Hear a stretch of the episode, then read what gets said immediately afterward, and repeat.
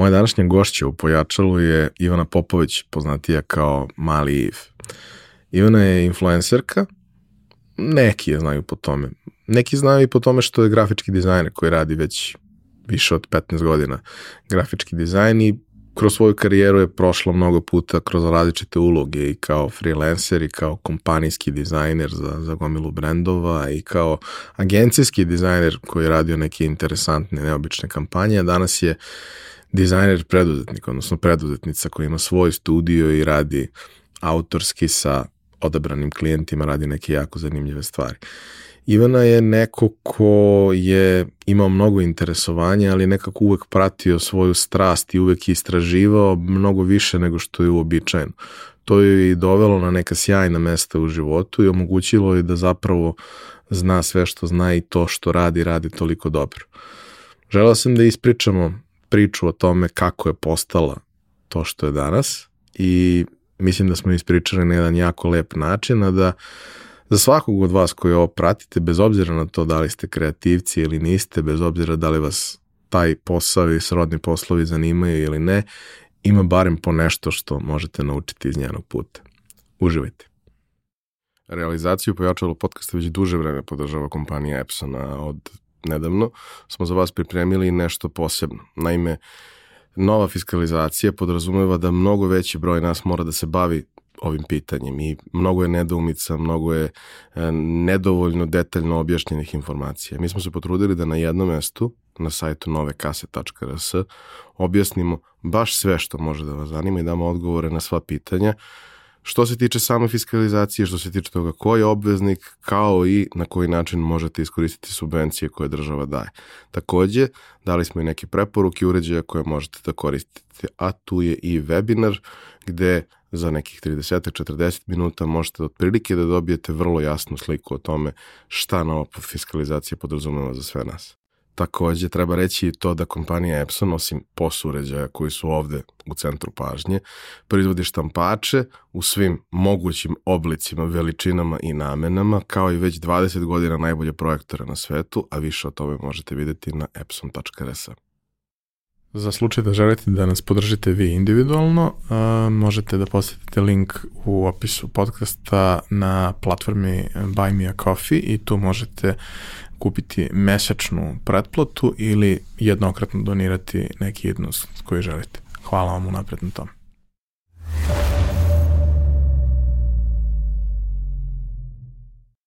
Dobrodošli. Biće ovo jedna neobična epizoda pojačalo podcasta, naime mislim da je današnja gošća fizički najmanja osoba koja je bila u, u podcastu i to meni dosta otežava moj zadatak, jer moje prvo pitanje, čuveno mančmelo pitanje uvijek bilo uh, šta si tela da budeš kad porasteš, a pošto ti nisi porasla, onda tebe moram da, da, da pitam šta si tela da budeš kad odrasteš. Ivana, šta si tela da budeš kad odrasteš? Detektiv. Dobro, zašto? Pa, zato što je to zanimanje puno avanture. A možda bih mogla i da odraste, odnosno porastem uz to.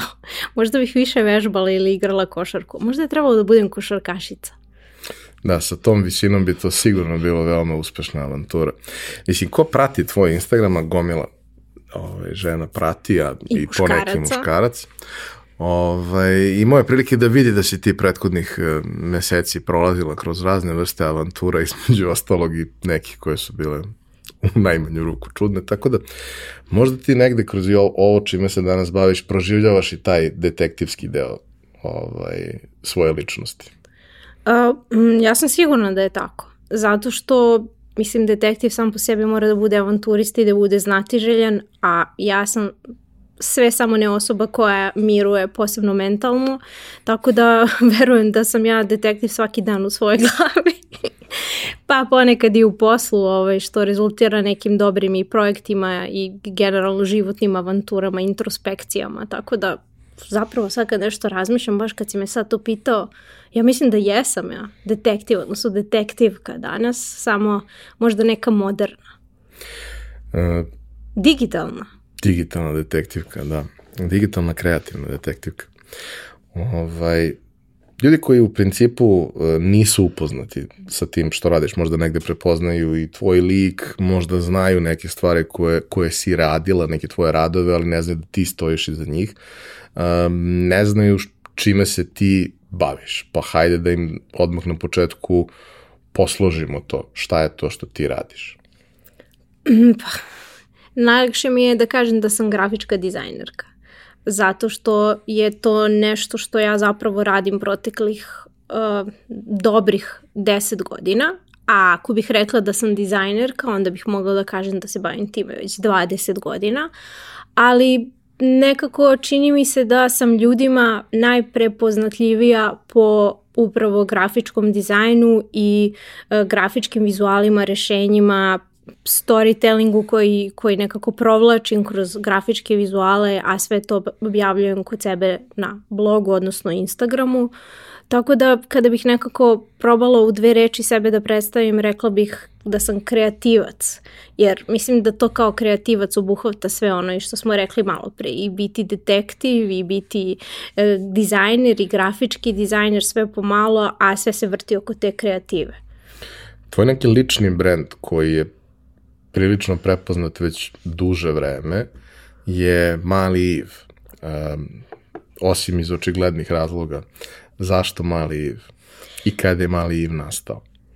Uh, pa, baš iz očiglednih. Uh, ekipa sa kojom sam se družila pre 11 godina kada je u stvari blog i nastao i taj nekako ovaj, nadimak Mali Iv, uh, svi su me zvali ili Iv, niko me nije zvao Ivana, ili su me zvali Mali iz očiglednih razloga. Ne mala, nego mali. I onda je bilo nekako, kad moram da smislim neko ime za neku Facebook stranicu, jer su me ovaj, ljudi pitali da napravim neku neku stranicu koja je eksterna van mog privatnog profila na Facebooku i da jednostavno tu čuvam te neke recepte, vizuale i sve što sam u tom momentu kreirala a najviše se odnosilo na fotografiju i onda je bilo kao šta sada izmislim i ajde neka bude mali Iv zato što ljudima će biti jasno o kome je reč, jer kao tako me zovu i to je ostalo, evo, znači od 2011. Znači do danas je ostalo kao mali Iv. I moram da ti kažem, dosta često se zapitam da li je vreme da promenim to, zato što više, ja sam ostala fizički mala, ali ne i ovaj, po godinama, godinicama i nekako mentalno sam odrasla, a s druge strane, uh, to je nekako prepoznatljivo i baš je onako zvučno i morala bih da rebrandiram sebe u potpunosti, a mislim da možda nema potrebe za tim zato što kao stojim svakako iza svog imena i prezimena uvek i kao to sam ja lik koji se ne menja. E sad, to što me znaju da po ono, domenu ili stranici na Instagramu, kao i dalje me svi zovu Iv. Vrlo, ovaj, redko ko me zove mali, tako da može da, da ostane. Nemoj da menjaš nešto. To ti je moje mišljenje. Uh, Consulting besplatno. Um, iz mog ugla nekako u, u tom periodu kada si ti to krenula da uh, pišeš, deliš, uh, oplemenjuješ fotografijama, vizualima i ostalim stvarima, nekako je meni to delovalo ko Pinterest pre Pinterest. I postojao je određeni deo uh, vas, uh, blogera u tom periodu, koji ste svako iz svog negde ugla se bavili nekim temama estetike. Ti si mnogo više od, od ostalih išla na tu temu dizajna, enterijera, m, pa i ono, kuvanja recepata upravo, upravo. svih tih stvari. Mnogo više nekako devojaka išlo u nekom smeru uh, mode, nakita, kozmetike i sličnih stvari, ali meni je ovo što si ti radila i još nekoliko devojaka bilo posebno interesantno zato što mi je u to vreme kada smo, kao i danas po mnogim pitanjima, zaostajali za svetom, delovalo svetski. I bilo mi simpatično, interesantno, ok, verovatno e, nije baš sve potpuno odgovaralo mom senzibilitetu, niti sam ja bio idealna publika, ali jeste bilo jako zanimljivo i jeste bilo vrlo inspirativno. A e, posebno mi je bilo interesantno što uh, nekako sam ja to uvek doživljavao kao da je štap i kanap, a da na kraju ispadne jako dobro. I uvek sam cenio to, znaš, kao svako može u idealnim okolnostima sa fantastičnim timom i gomilom novca i ozbiljnim budžetom da napravi nešto što je wow. Ali oni pravi kreativci uspevaju da to izvuku iz okolnosti u kojima nije sve idealno. Zato mi je to kod tebe bilo jako interesantno. Uh, ti si, dakle, inspiraciju za to dobila tako što su te ljudi naterali da kreneš na, da, na tu stranu. Baš to. A uh, kako si ostala uz to? Kroz ono neki duži vremenski period, sada u različitim formama, naravno forme su se menjale, mediji su se menjali, kanali su se menjali, ali u suštini ti sličnu stvar radiš dok odrastaš ovih deset godina. Pa sve je počelo od toga što sam kad sam bila kod kovača emisije rekla sam ono da smo mi svi Minićeva deca, što, što jeste tačno. Uh, I zaista sam ceo svoj život na internetu. I nekako tad je, ja ne znam šta je tad već bilo aktualno, ne mogu ni da se setim, ali prva stvar koju pamtim jeste čuveni We Hearted, koji ja mislim da on i danas postoji. I nekako on je bio preteča Pinteresta da si imao taj infinite scroll nekih prelepih fotografija koje su bile ili krunisane nekim liriksom ili ne znam nekim kadrom zanimljivim ili kombinacijom ili do it yourself projektom I meni je to, ja sam shvatila da mene to toliko vozi i toliko boostuje i motiviše za bilo, u bilo kojoj sferi svog života, da sam prosto bila očarana time i nisam mogla da se dovoljno zasjetim toga i stalno sam vrtela, vrtela, vrtela. I onda nekako ja mislim da je to potpuno normalno uh, po, s obzirom da sam kreativac i da sam odra, odrastala kao kreativac, ovaj, da, da je sledeći korak bio to ajde što sad ja nešto sama ne napravim, kao kad sam već toliko inspirisana i toliko ideja imam i, ovaj, i onda je sve to krenulo sa najobičnijim nekim receptom. Na, prvi put sam uzela da kuvam ikad sama i to što sam skuvala je bilo baš super i super izgledalo Ja sam to nešto kao dekorisala na tanjer, naravno sad kad to pogledam je smešno, ali kao tad je bilo wow. I upravo to štap i kanap u kuhinji bez svetla, neko žuto svetlo, ja sam nekim prastarim idiotom to fotografisala, okačila na Facebook i kao, e, ljudi, evo kao neki cool recept, zanimljivi sastojci i ljudi su tad krenuli potpuno gomila nepoznatih ljudi da se javlja, tad ja mislim da nije ni bilo podešavanja onog privacy-a, šta je public, šta je za friends, kao ajde, ne znam. A i to je bilo vreme kad smo zapravo imali rič, I da, kad objavimo nešto. zapravo i neke lajki, komentar i tako dalje, ne samo ovaj emoji. Ovaj, I I tako je to krenulo da su ljudi bili kao ajde to na Facebook stranu, onda je krenula Facebook stranica i ja sam shvatila da mene Uh, tad sam se već uveliko bavila grafičkim dizajnom i uh, studirala sam dva fakulteta, na drugom faksu sam učila čak i programiranje, znači haos. I bilo kao što sad ja ne bi ovo što sam naučila pa isprobala sama, nešto malo neki kod da prepravim. Ja sam tad bila, u stvari i dalje mi je blog na Blogspot ovoj platformi i kao malo nešto kod, nešto čačkala tamo, ubacivala dizajn i da napravim sebi blog. I napravim ja sama sebi blog i kao wow, imam jedno fenomenalno prazno platno koje se nalazi na internetu, znači može ceo svet to da vidi. Ja sad mogu da kreiram šta god želim i kao ajde da, da, da to ne budu samo fotografije to kao recepata, nego i neke zanimljive stvari i ne znam, preporuke i da pišem u filmovima i muzici i to je tako krenulo.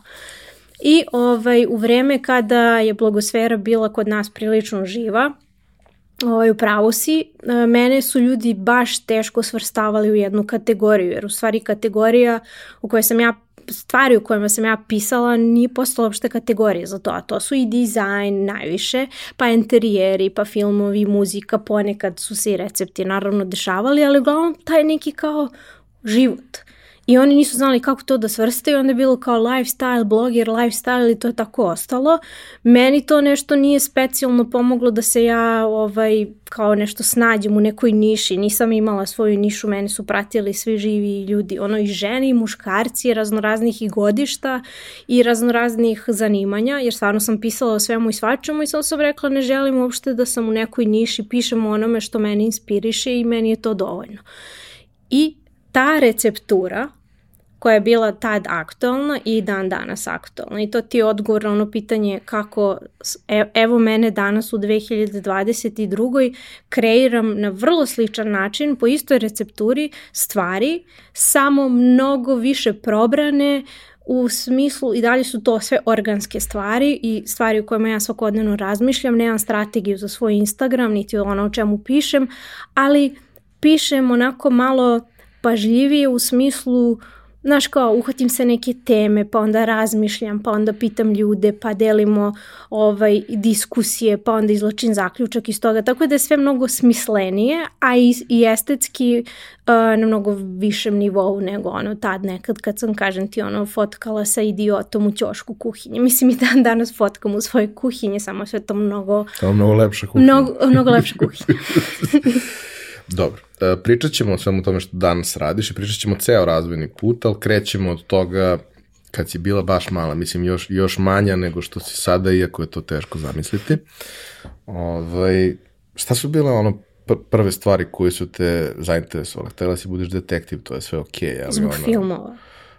I zašto su imali cool mantile, verovatno. Ovaj, i, I pse. Uh, mada ti voliš mačke. Ej, ja imala sam psa 17 godina, nemoj tako i sad imaš dve mačke.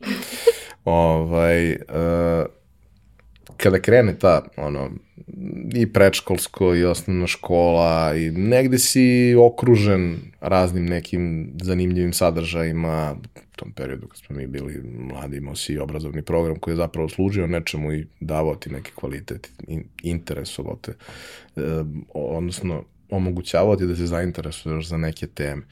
Šta je tebe zainteresovalo kroz, kroz ono osnovnu srednju školu, šta te je vuklo, šta ti se sviđalo i ko su bili ljudi koji su ti na neki način bili uzori, svetionici, oni koji su ti pomagali da kod sebe osvestiš neke stvari koje su ti kasnije bile značajne u životu?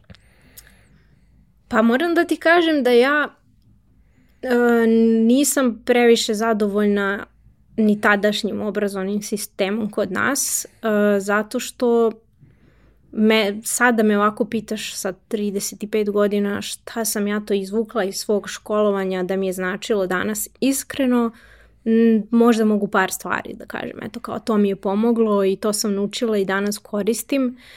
E, verovatno sam zbog toga bila ovaj, odlikaš u osnovnoj, a pobegulja u, u gimnaziji. A ove, međutim imam razlog što sam toliko bežala sa časova jer sam crtala po ceo dan. Ali uh, sećam se da, da od uvek su na mene uticale najviše stvari iz pop kulture. I to je nekako, iako sam stvarno, jesam bila dobar đak i učila sam i bila sam vredna i nekako moji roditelji u principu nisu imali nikakve probleme sa mnom što se tiče škole, jer sam voljela da idem u školu i nisam prolazila ni kroz kakve probleme, ni ono generacijske, ni, ni, ni tinejdžerske, nego jednostavno kao samo sam mnogo više toga upijala iz uh, kulture okolo, odnosno van škole. I sećam se uh, da u jednom periodu sam bila strastveni gamer, između ostalog zato sam i bežala sa časova da bi mogla da imam po igronicama da igram igrice. I nekako je meni ceo taj svet uh, koji je bio van ovog kome mi živimo, jel, bio mnogo zanimljiviji i vuko me na tu stranu u toliko da sam želela da se bavim ilustracijom i da crtam i da projektujem i da crtam scene i da crtam likove i da živim u toj nekoj mašti. I onda su, kada sam počela da spoznajem filmove na neki mnogo onako zreliji način, sve te scene, karakteri, ljudi, boje, sve me to sve, sve više i više nadograđivalo moju ne samo maštu, nego i želju da se ja uključim nekako direktno u sve to. I ja mislim da se tad i rodila cijela ideja da se ja bavim ilustracijom i da se bavim grafičkim dizajnom, generalno dizajnom. Jer ja sam iskreno sa 14-15 godina dalje bila klinka koja je imala neku naznaku čime bi volala da se bavi, ali nije to bilo toliko onako ovaj, oblikovano u moje glavi kao je sad želim baš da budem to, nego znam da bih nešto kreativno, neki crtež, neki dizajn, vidjet ću kao šta ću. I ovaj, moj put je bio vrlo onako zanimljiv gde sam se ja opirala ne, ne samo društvo i ne samo profesori, učitelji i roditelji, nego gen, generalno verovatno i sama sa sobom da ja kao želim da istaram to da budem dizajner i da budem umetnik, a svi oko mene kao toga nema leba, ajde da ne znam, u bolje budi fizioterapeut, toga si ima para, to je ludilo, ja ono kao de, ono ne mogu hemiju da podnesem, biologiju, ne znam šta je sve bilo tada aktualno. I ovaj, tako da sam ja onako išla kao buntovnik sa tih 14 godina i dalje protiv svih i kao ja sad hoću da budem umetnik, ja ću sad da bežim sa časova, idem, sednem u obližnji kafić i crtam 3 sata i odlučujem da se spremam za arhitekturu jer kao odlučila sam želim da budem arhitekta i da projektujem interijere.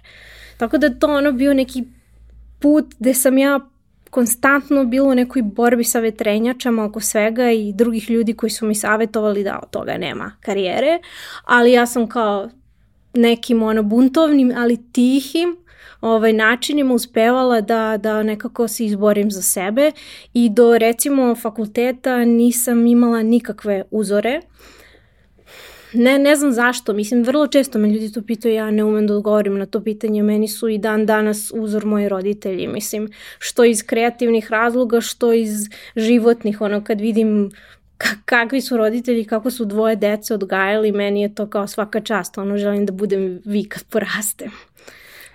Ja se nadam da ćeš da porasteš, ja verujem da je ta, taj period tvog odrastanja i to kad imaš dete koje može se sakrije po kući i zanatkasne, da je to veliki problem. Teo sam sve vreme, dok pričaš sve vreme, hoću ti postavim pitanje Beverly Hills ili nestašne godine, ali iz svega navedenog vidim da su nestašne godine. Apsolutno. Bile dominantne u, u tom periodu.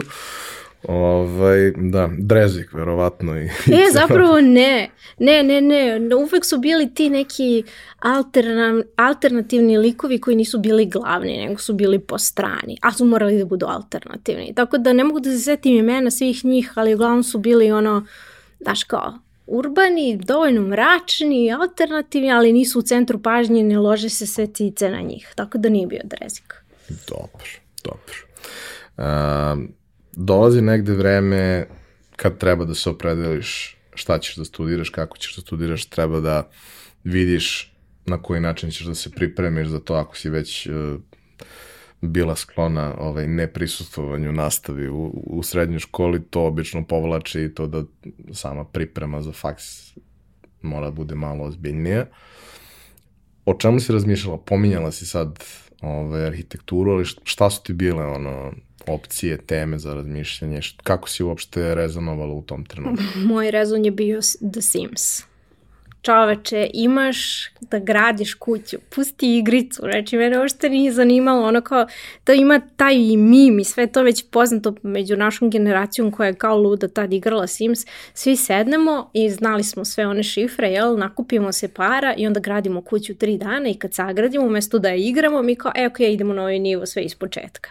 I meni je to toliko bilo fascinantno, to građenje i slaganje i pravljenje nečega da neka osoba, ljudsko biće može da živi, da je to polako onako se meni uvuklo pod kožu i kao aha što ja ne bi nešto kao pravila i u stvarnosti i kao real u svojoj sobi mislim sva sreća pa je moj tata iz hobija se bavi stolarijom i onda sam ja od malih nogu uz njega ono bila uz alate sve moguće tehnike majstorisanje i meni je to bilo onako baš pri ruci kao aj samo kreni da praviš nešto I ovaj, ja sam shvatila naravno i IKEA katalozi koji su ljudi donosili iz Mađarske, šta sve ne, listanje, maštanje, slaganje u svojoj glavi, Lego kocke. Mislim, znaš ono kad pomislim, sve, sve te stvari koje su malom detetu, maloj, maloj Ivani pomogle da nekako razbukti svoju maštu i da kaže, e, šta god da slažeš sa kockicama, ti ćeš to kasnije moći da radiš i u stvarnosti, da kreiraš za nekog da tu živi.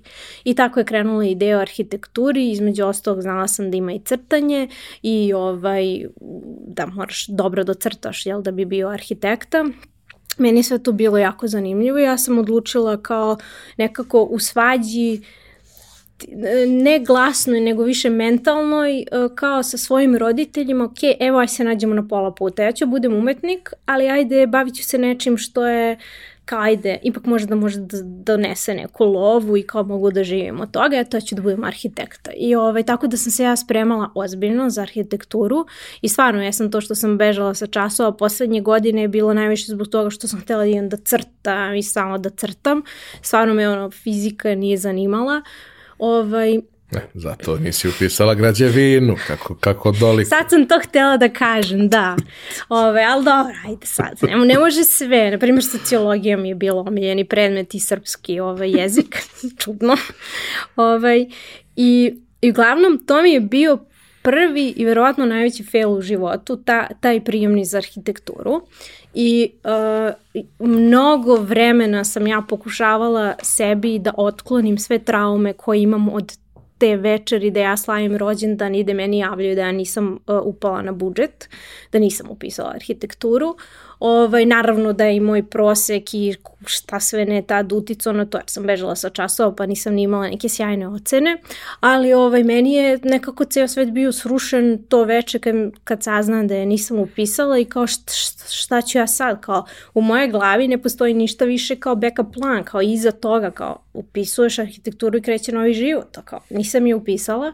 Međutim, moji roditelji su bili pametni pa su me nagovorili da ja polažem na Politehničkoj akademiji za industrijski dizajn, kao kad je već sličan prijemnik, kao je probaj tamo, kao slično ti možeš uvijek da se prebodiš na arhitekturu. Znači, to je tako bila dobra odluka, jer sam ja tamo, ja ne znam koja sam na listi bila, nešto upala, ludilo, odradila sam taj prijemnik kao car i ovaj, meni je u stvari taj odlazak na industrijski dizajn mnogo značio zato što ceo program tamo i sve, kasnije kroz par uh, ono, narednih godina mi je pomoglo da ja shvatim da ja niti želim da se bavim arhitekturom, niti industrijskim dizajnom, nego grafičkim dizajnom.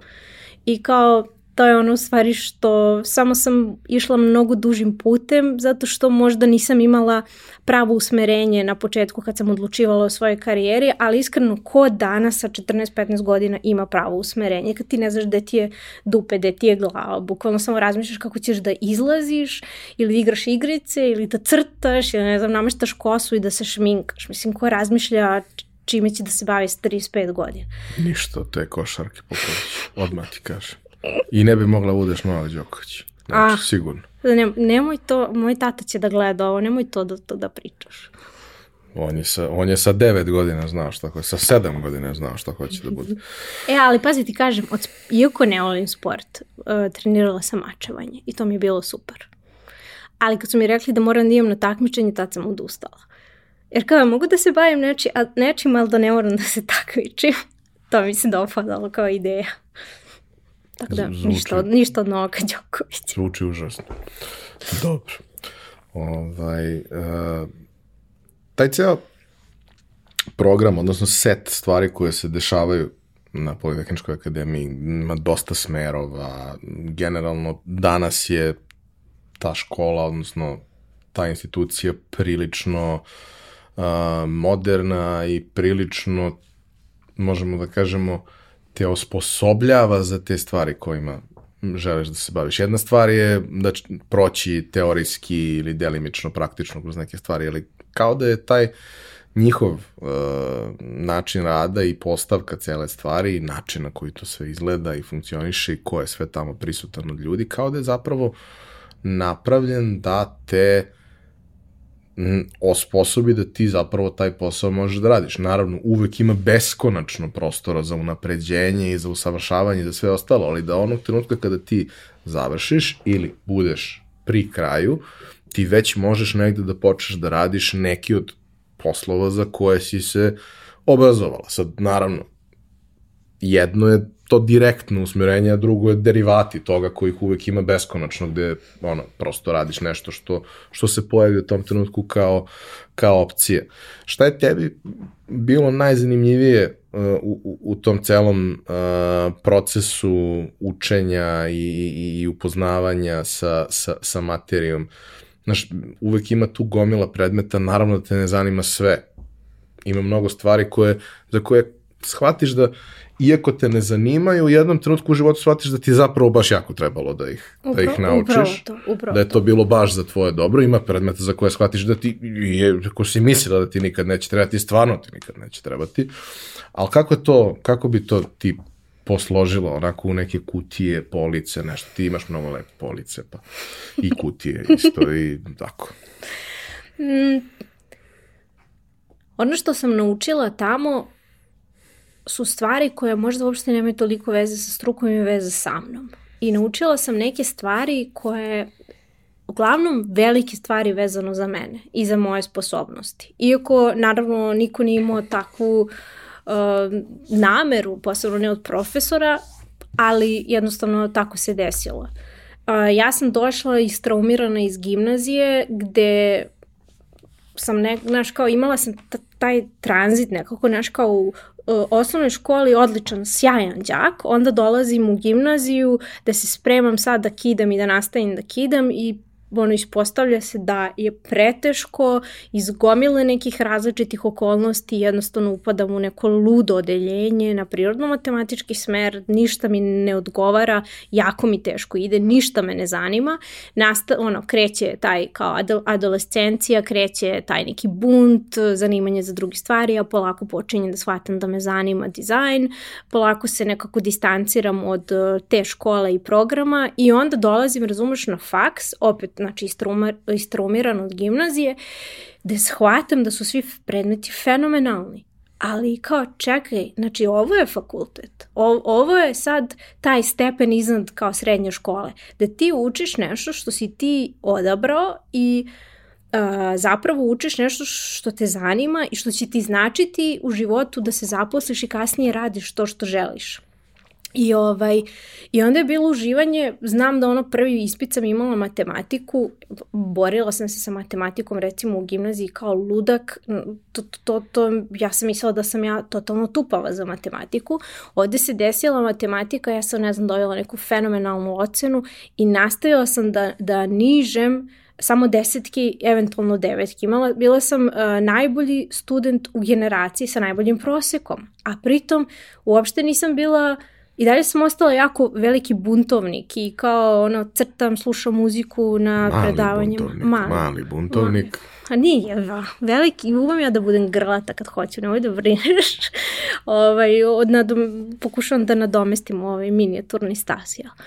Ovaj, I kako se zove, Uh, da, i onda je bilo kao ovo meni fenomenalno ide, ja sam se super snašla ovde, ajde sad da probam da upijem sve što mogu od ovih profesora, od ovog celog programa koje imamo, ja, pošto je prva godina je opšti smer i onda posle toga ti biraš da li želiš industrijski, grafički, ekologiju, ne znam ja šta sve.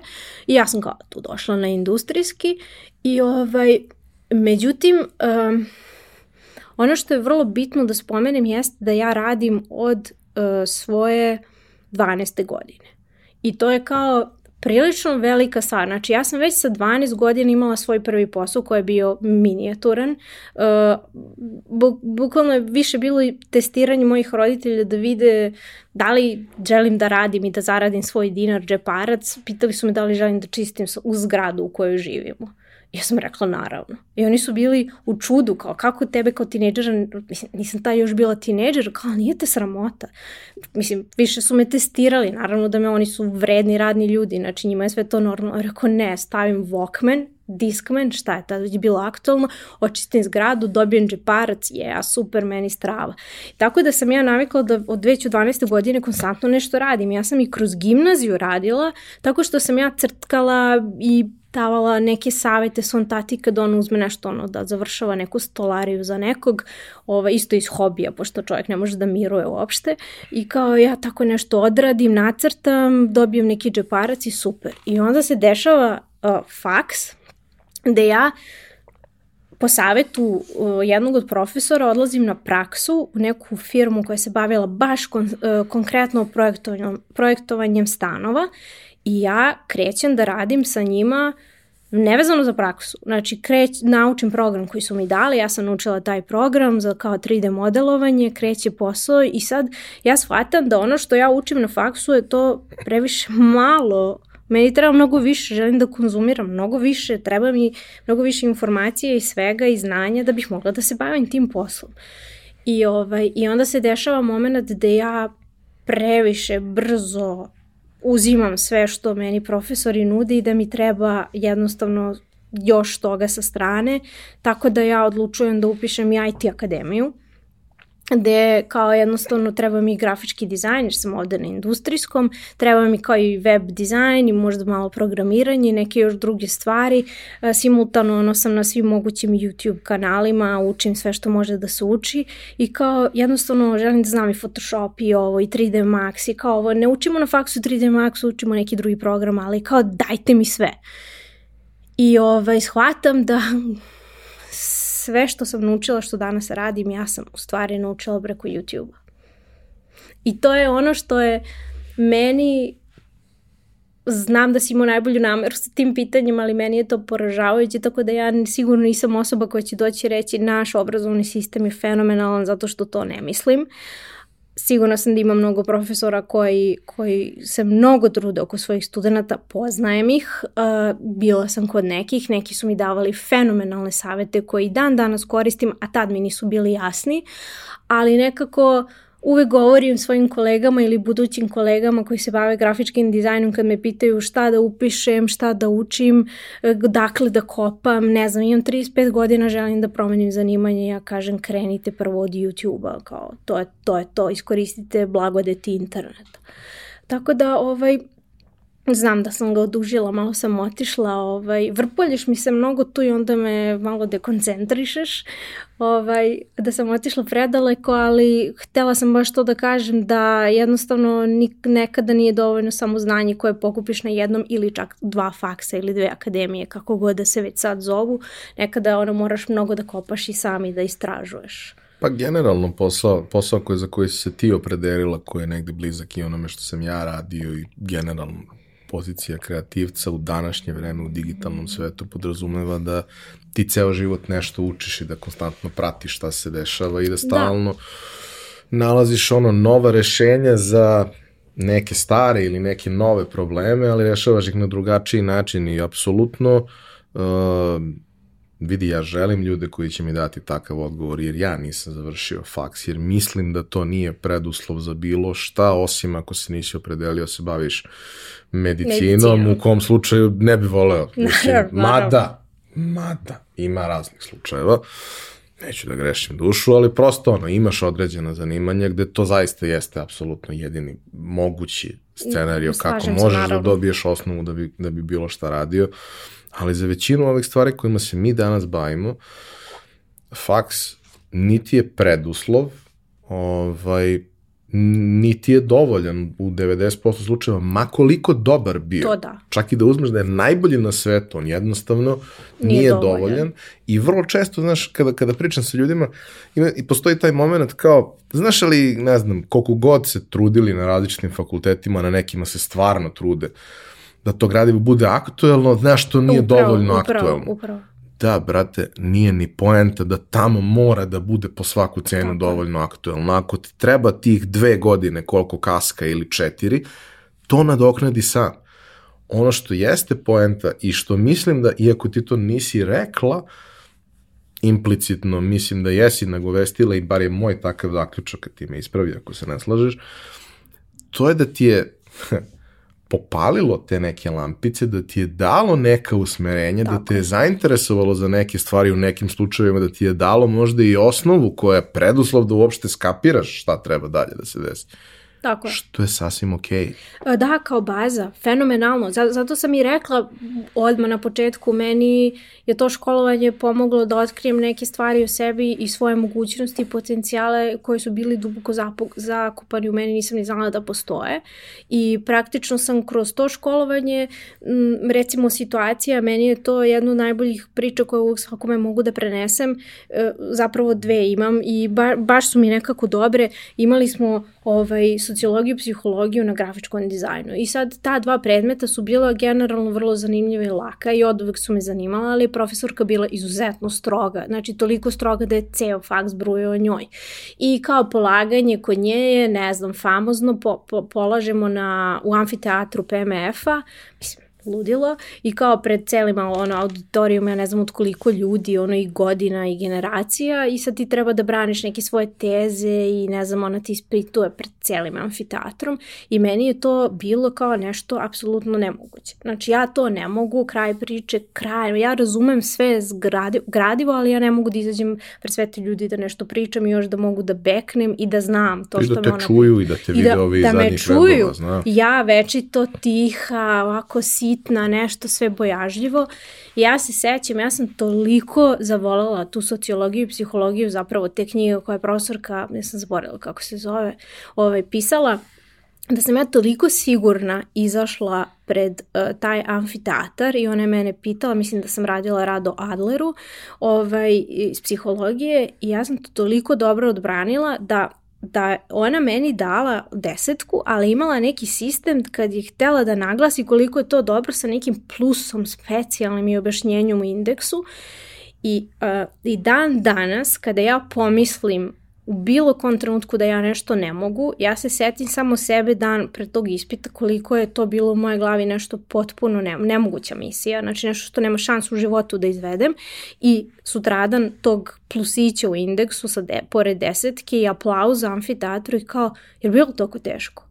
da li je stvarno bilo toliko teško? Kao samo si presekla u glavi i rekla siđi dole, ispričaj, ispričaj to što imaš, daj da završiš to, ideš na letovanje, ono, završiš godinu poz i dan danas kad se setim toga kao čoveče mala osoba, ono, nešto priča i tamo ći, ći, ći i kao i, i, i zvuči fenomenalno i kao da, da sam izašla izvan sebe i gledam neku drugu osobu. Tako da je meni taj, taj uh, ključni moment u životu, uh, bio, znači taj moment mi je bio ključni zato što sam ja nakon toga svaki put kad bi mi bilo nešto baš heavy, setila se tog momenta i spremanja tog ispita i kako sam ja to odlično odradila i kao vidiš da možeš, ko, ko znaš da ti sve u stvari možeš, a da to ni ne znaš. A sledeća sta, uh, stvar koja mi takođe, onako koju sam ponela iz, iz tog studiranja, a tad mi uopšte nije bila jasna. Imali smo fenomenalnu profesorku koja se ovaj, nekoliko različitih predmeta nam je predavala i dizajn jedan je bio jedan od njih i sad je nam, nama bio zadatak onako krep trakom da na običnom akvarel papiru A3 formata izlepimo kao kvadrat i da u, u, unutar tog kvadrata mi nešto kao islikamo, iscrtamo, napravimo kolaž.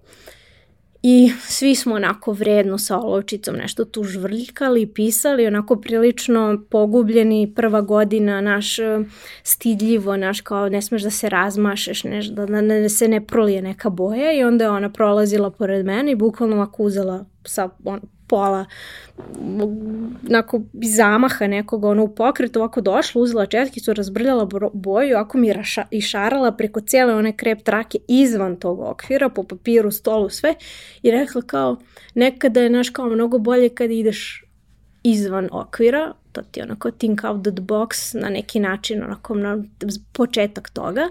I meni je to, to tad bilo, jo, kao, bukvalno mi je uništila rad. To, to, sad ću te pregazim znači, kolima. Jo, znači, katastrofa. Samo da porastem da mogu da vozim. I žvrljala mi sve ovo, ono, moj CD, ono, Znači da odlepi kao što sad da radim s ovim sve si mi uništila crtam tu tri sata.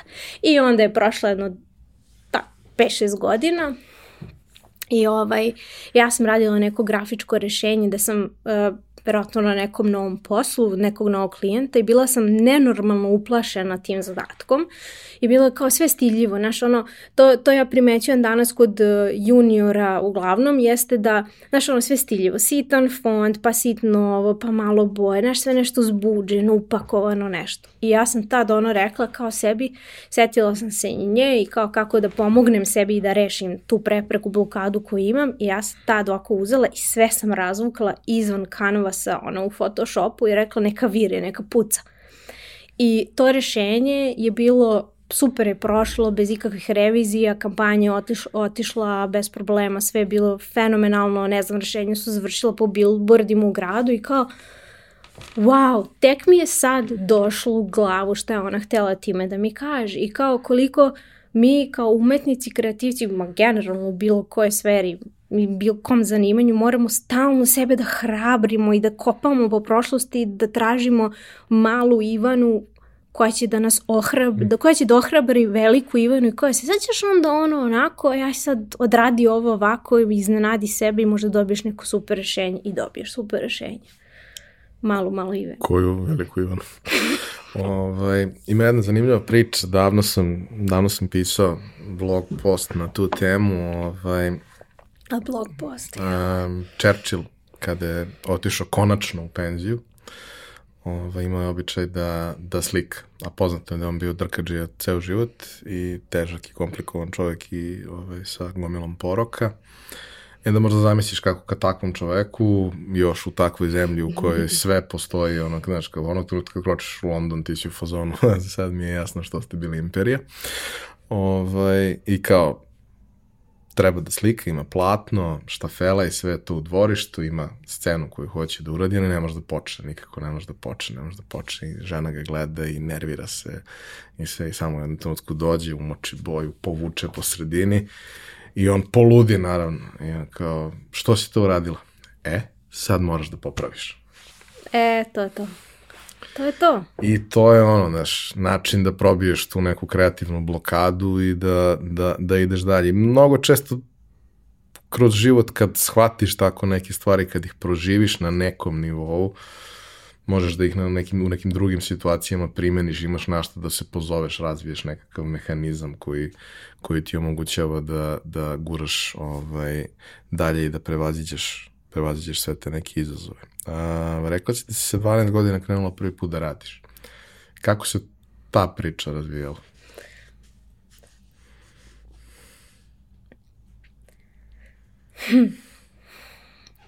Pitanje koje nemam, to, nemam toliko prilika da pričam o tome, a, zato što danas a,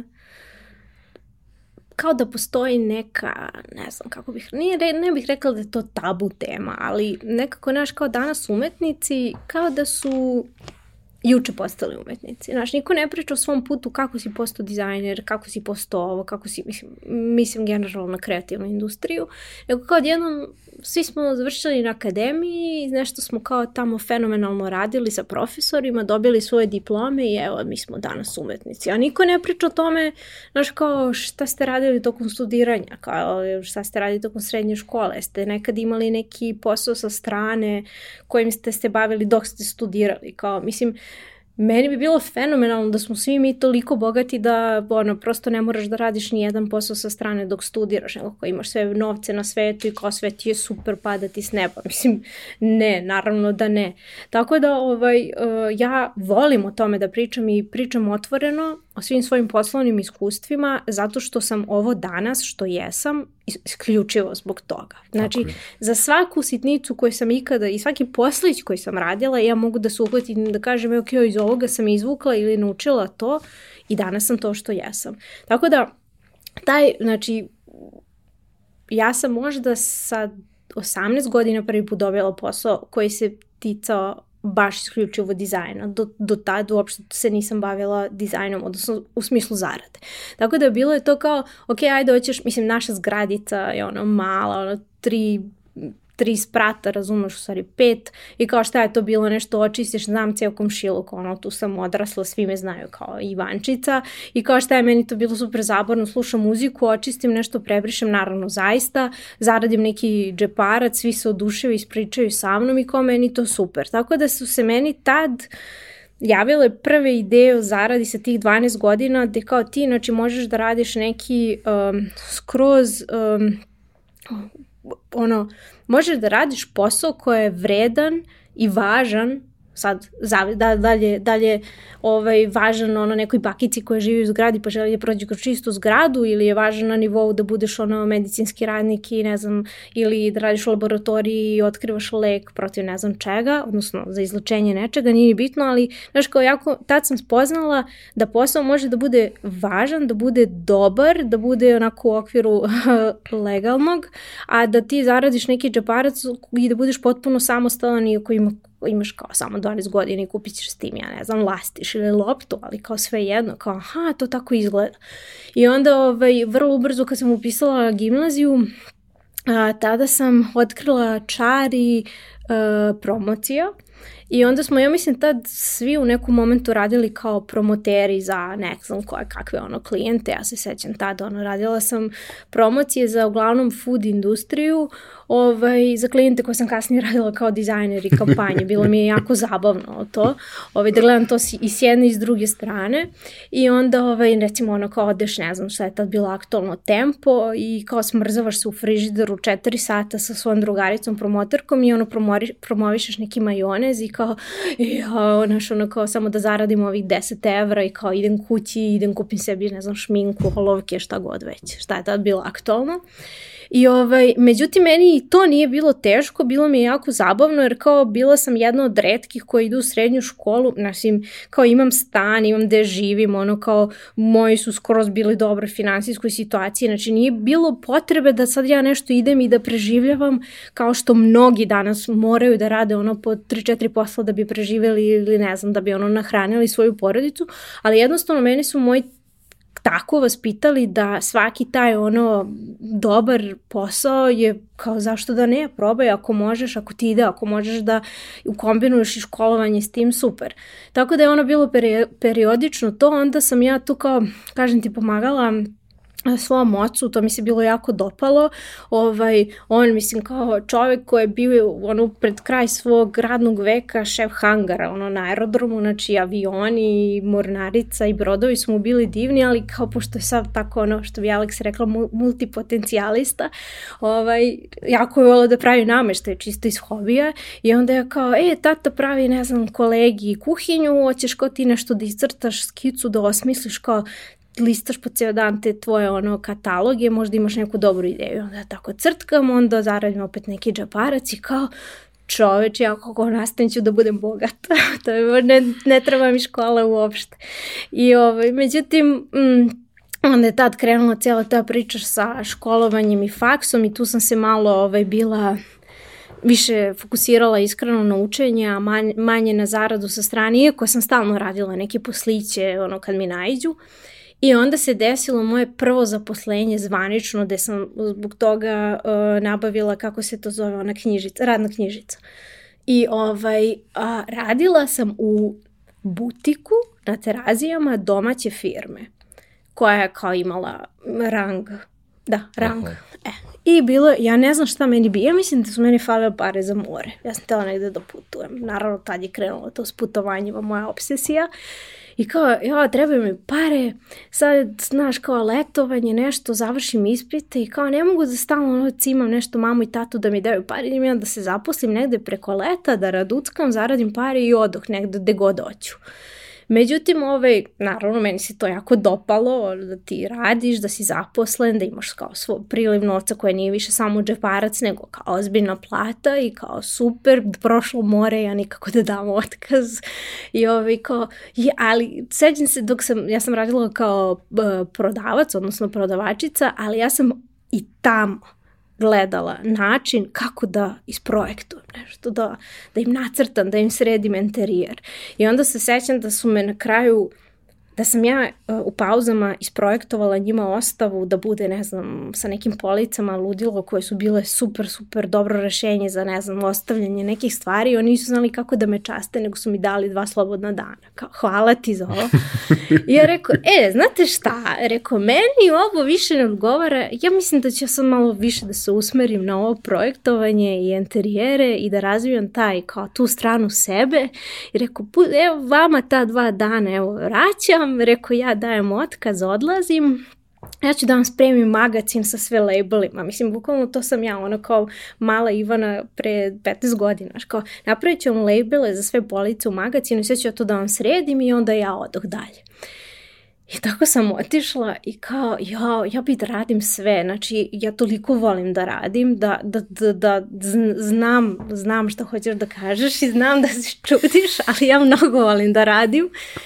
Ove, ali isto tako volim da odmaram. I da, znaš ono što se kaže, kad, kad ubereš plodove svog rada, da odeš negde i da letuješ i da odmaraš i da sediš na plaži. Mislim, to je sve okej. Okay. Ali, meni je malo neobično da imaš ono dete od 12 godina koje voli da radi i konstantno ta, ta ljubav prema ono nekom uspinjanju i ne znam, napredovanju, da ne prestaje, onako, tu je. Tako da, ono, došla sam do ovaj, nekih kao ozbiljnijih poslova koje su se ticale, ticali uh, projektovanje stanova i tu se dešava neki preokret u mom životu kompletan. Tako što sam radila sa nekom stolarskom ozbiljnom radionicom i projektovali smo stvarno neke silne stanove, uglavnom su to bile kuhinje jer iskreno Srbija nije sad neko tržište da baš svako ima novca da unajmi dizajner interiera da mu isprojektuje ceo stan, nego je to uglavnom više kuhinja, orman i tako dalje.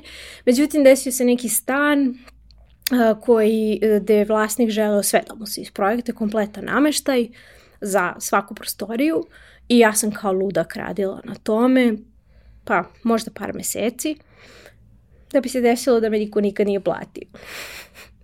I tu je onako bio prekid filma ovaj, gde sam ja rekla sad ćeš da se smeješ, ali ja sam mala i tiha i devojčica i svi gledaju mene kao da sam neko nesposobno stvorenje zato što sam mala, tiha i devojčica. I jednostavno ja moram nešto da promenim u svom životu i sebe da menjam ne mogu, da porastem ne mogu, da budem glasnija, ajde možda mogu to malo da vežbam, ali kao i dalje će ono, taj neki uh, muški svet da me gleda malo drugačije jako nesposobnije, ja moram nešto da promenim jer ne mogu da radim kao luda kada ne dobijam nikakav novac i da nemam zaradu od toga. I tad sam ja odlučila da presečem i da završim, da kažem, industrijskom, industrijskom dizajnu doviđenja. Ja želim da se fokusiram na grafički dizajn iz razloga što ti sediš ovako iza računara Niko ne zna ni da li si žensko, ni muško, ni da li si visok dva metra ili metar i žilet i samo radiš svoj posao i to je najbitnije. I? I tad sam ovaj, jednostavno prešla u taj ceo svet. Kad je to bilo pre možda deset godina zvanično. Ali kad kažeš prešla u taj svet, ti si se već bavila time na nivou tezgi, hobija, slično? Pa, hoću da ti kažem da sam se mnogo više usmerila na uh, učenje softvera za grafički dizajn i istraživanje svega uh, pošto znaš kako to ide, ti ne možeš da budeš grafički dizajner koji samo sedi i crtka nešto u Photoshopu ili Illustratoru, ti moraš da znaš sve. Samim tim moraš da znaš i fotografiju, da poznaješ vrlo malo ono, ne znam, osnove, razumeš koda ili kako funkcioniše nešto što je iza web dizajna, odnosno što bi ono kao developer tim koristio i tako dalje. Onda sam ja morala da se stalno nešto, da istražujem neke nove stvari da bi mogla da komuniciram sa različitim timovima i, da, i dalje tada kao o, freelancer koji ono pokušava da se sredi da li želi da radi u firmi, u agenciji, da li želi da bude freelancer, javlja se neka firma iz Amerike koja je imala ovde predstavništvo, razvijali smo neku aplikaciju, e, to je trajalo možda godinu i po dana, radila sam isključivo grafički web dizajn za njih, ali nekako bilo mi je potrebno da, da se nešto dešava mnogo bržane, da radiš jedan projekat i da traje godinu i po dana i da na kraju taj projekat propadne i nikada ga ne, ne vidiš. I mislim da je taj, ta, ta crta u meni nestrpljenje da vidiš gotov uh, finalni uh, rezultat negde objavljen, kao da ga neko makar koristi ili da ga drži na zidu, prelomilo meni i rekao kao, ok, sad moram dalje još da istražujem i guram sebe da pronađem mesto da bih mogla da radim, da mogu da vidim završeno rešenje. Jer kao, Uh, super je to kada si ti dovoljno hrabar da, da učestvuješ u projektima gde znaš da nešto neće biti recimo gotovo za mesec, dva ili tri, pa kao nema veze, tu sam, idemo do kraja. Ali kada se to konstantno dešava, malo onda, a, a ti si na prekretnici u svom životu i pritom si vrlo mlad, i, a želiš da kreneš što pre nešto da radiš u svojoj struci, zašto si se školovo ili si učio sam kod kuće, onda nekako znaš, izgubiš, izgubiš strpljenje, a treba ti taj dodatni boost i motivacija od strane gotovog projekta da ga vidiš da je gotov i da kažeš, oh, konačno mogu da precrtam sa spiska, ajmo dalje. I onda je ovaj, tako, naš, išla sam od firme do firme, da negde sam ono radila i simultano po opet dva, tri posla, freelance projekti su stalno uletali, ovaj, dok nekako sve to bilo naša par meseci, radila sam i za neke agencije. Mislim da, da je Huge Media, to je od srđanja u nekom trenutku. Aha, e pa to nešto sam znam da sam tad radila. Dobro, tad sam radila za neke klijente koje sam opet kasnije posle pet godina radila za njih ozbiljnije neke stvari i tako bilo mi jako zabavno da pratim sve te klijente, posebno food industriju koja je nas toliko jaka, ovaj, da gledam njihove početke i kad se setim, i radila sam ja za vas kao promotor pre 10 godina, pa sam radila pre 5 godina neko rešenje za Face, a evo me sad radim kampanju ili billboard. I to je tako išlo godinama gde sam ja već tad u tom trenutku krenula da pišem blog, da se bavim fotografijom malčice ozbiljnije, da jednostavno proučavam fotografiju van ono korišćenja idiota da samo ono kliknem neku kompoziciju, neko ipak malo da uđem u celu priču ovaj, oko fotografije i ovaj, iskreno meni je tad, ja sam shvatila da ne znam koliko sam imala godina u tom trenutku da je meni potreban stalni posao da ću ja da se kao ušuškam da ću da kažem ok, aj sad da budem ovde neko vreme i da radim na nečemu konkretnom, zato što sam došla u te godine gde već želim da, da ne znam, kreiram ne, i život van posla i van samo učenja sa YouTube-a, nego kao želim i da putujem i da sređujem stan i želim ovo ili ono i kao jednostavno potrebno su mi uh, primanja koje su sigurne i dolaze svakog prvog u mesecu i ono kao, znaš kao nisam porasla, ali ja sam odrasla i potreban mi je posao koji će da prati to sazrevanje. I onda se desio ovaj moment gde sam opet iznenadila sebe u potpunosti i dokazala sebi da nešto mogu zašto sam bila ubeđena da nema šanse. Uh, Ovaj, ali to je ono što smo pričali, ovaj, iskrenost koliko je jako bitna u svakom aspektu i posebno na razgovorima za posao. Ja sam naišla na oglas ovaj, za uh, dizajner ambalaže Pionir Subotica. Čuvena fabrika slatkiša. I ja se sećam kao ono tra, dizajn, ambalažu u životu, to nisam radila, znači ne znam uopšte kako, ne, ne znam da krenem, ono osim par flajera za koje, koje, za koje sam radila neku pripremu, uopšte ne znam, znaš, kako se radi dizajn ambalaže. Mogla si lepo da završiš industrijski dizajn, ali nisi tela. Pa... Dobro, pogreši čovjek. Pogreši čovjek, ali slušaj, da ti kažem, to je sve normalno. Mislim, ja kada pogledam na sebe sada, rekla bih da je sve to ja, jako hrabro. Jer kao, znaš, mogla sam da upišem za fizioterapeuta, mislim da je to fenomenalno zanimanje, ali nije za mene ali kao mogla sam da upišem to i da se mučim, da se batrgam u nečemu što mi se nije dopadalo. Isto tako kao što je neki, neko ko je predodređen za fizioterapeuta, upisao recimo grafički dizajn zbog mame i tate, a ono uopšte ga to ne zanima i kao pati ceo život. Ja mislim da je ovo bilo hrabro, znaš kao probaš, vidiš kao nije strašno ako pogrešiš i ne, ne snađeš se, idemo dalje.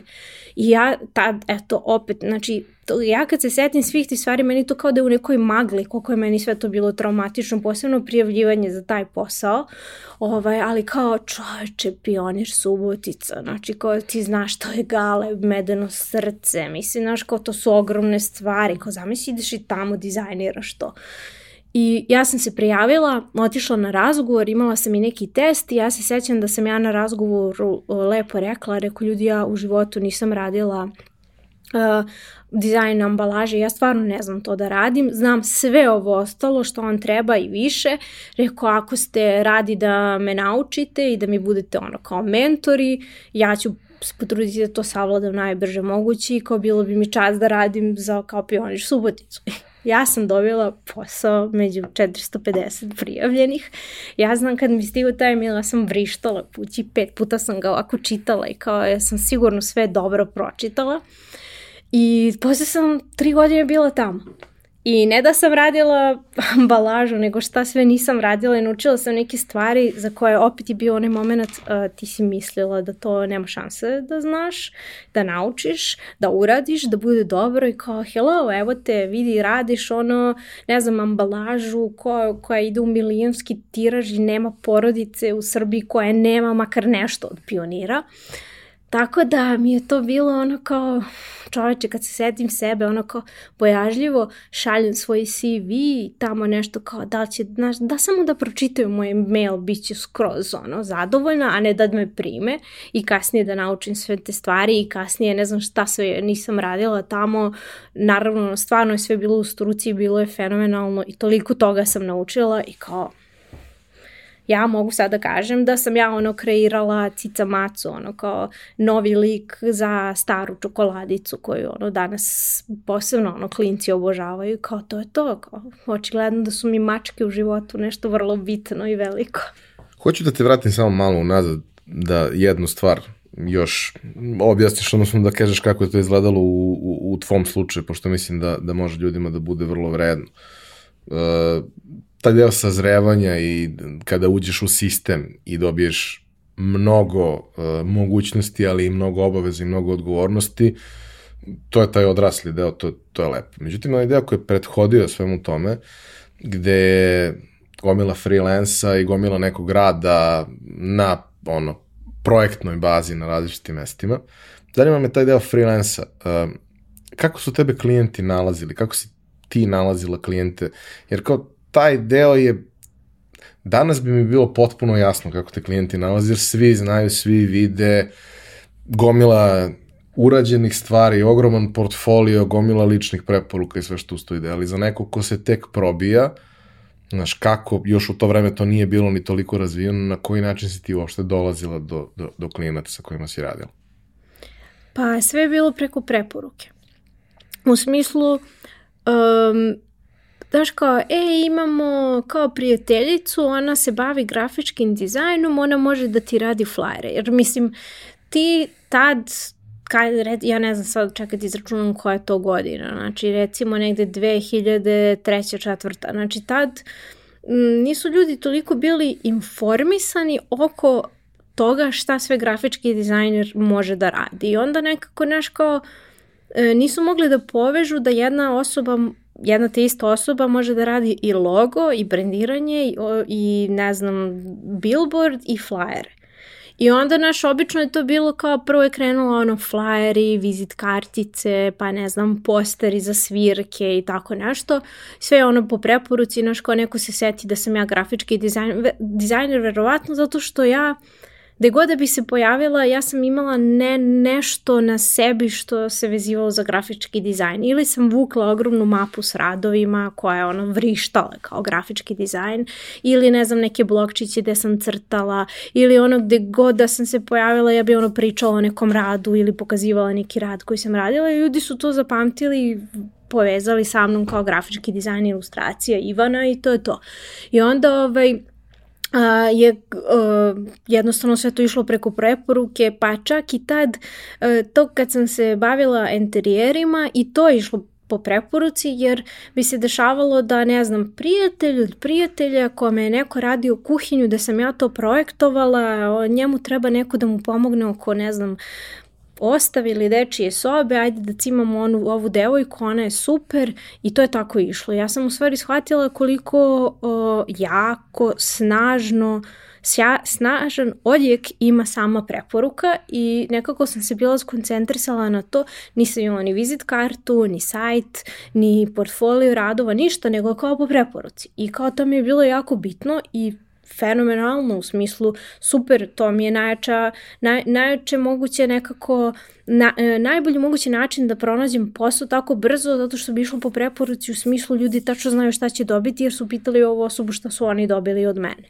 I onda je to tako krenulo dok ja nisam ovaj shvatila da mogu da iskoristim kasnije kad sam počela 2012. da pišem blog, ovaj, 2011. sam, da kažem, ono, se bavila Facebook grupom i, ne znam, društvene, otkrivanjem društvenih mreža, ono, kroz zapravo Facebook i kao gledala sam kako mogu da izreklamiram ono sebe i svoj rad i ovaj tad sam znači 2011. 12. krenula malo ono malo malo pobacim neki rad koji ja ovako nacrtam za sebe ili uradim neki projekat za sebe i kao eto to sam radila u tom i tom programu i ljudi su počeli sami da dolaze do mene. Tako da uh, mislim danas evo koliko 10 godina kasnije ništa se nije promenilo. Sve po preporuci. Mene koliko puta ljudi često pitaju kako to da nemaš svoj sajt ili nemaš kao Behance ili nemaš ovo, rekao ja ne mogu da postignem, ne mogu svaj, zaista da stignem da ga napravim onako kako sam, ja mislim da treba da on izgleda, zato što ne mogu da postignem od posla od ljudi koji se konstantno javljaju od Instagrama. Od Instagrama. Od Instagrama, tako je. Jeste, jeste. Ti vrlo temeljno koristiš Instagram. Ja se ponekad divim ovaj, količini upornosti i pažnje sa kojom ti to radiš. Ajde, upornosti mogu i ja da budem uporan. Ja kad scrollujem debele životinje, ja mogu to satima da radim, ali... Znam. Ovaj, ali to kao kreiranje nečega, ne, nema, nema teorijske šanse. Uh, ok, veliki sistem, prošao si kroz to, tri godine si radila, svašta nešto si radila, gomila projekata, gomila brendova, gomila proizvoda koji su deo tog sistema i naravno sve ono prateće što ide uz svaki od tih ovaj, proizvoda. Uh, paralelno sa tim ti si uh, poznata uh, blogerka, dolaze tu razne neke zanimljive stvari koje se dešavaju i šta se dešava, zbog, zbog čega odlučuješ da izađeš iz te priče, šta ti u tom trenutku, koj, koju fazu si u tom trenutku otvorila? Uh, ja sam pred kraj prošle godine imala neko onako baš uh, veliko ne, ne znam kako bi to rekla, nije učenje o sebi, mislim, jeste bilo učenje s obzirom da je trajalo par meseci, ali kao da sam završila ne, neki kurs o sebi prošle godine, kao ubrzani kurs i shvatila sam neke stvari koje sam dugo pokušavala da shvatim. I između ostalog zaista mi je falilo da napravim closure sama sa sobom za prethodnih 10-20 godina ovaj, mog postojanja i fokusa i tema koje sam obrađivala i rada i svega. I onda sam shvatila da uh, zaista ne, nekad, evo i ti sad kad me pitaš vidiš koliko dugo pričam i sva, svako, sva, sve što ispričam kao neki čvor koji stalno nešto ne, nikako, nikako život, stalno, da, ne može da se odveže, stalno je neki čvor negde, ali meni je zaista tak, takav bio ceo život zato što sam se baš mnogo tražila i nisam odustajala dok nisam pronašla ovo što jesam danas i da, da mogu da kažem ok, ja sam zadovoljna sa ovim što jesam.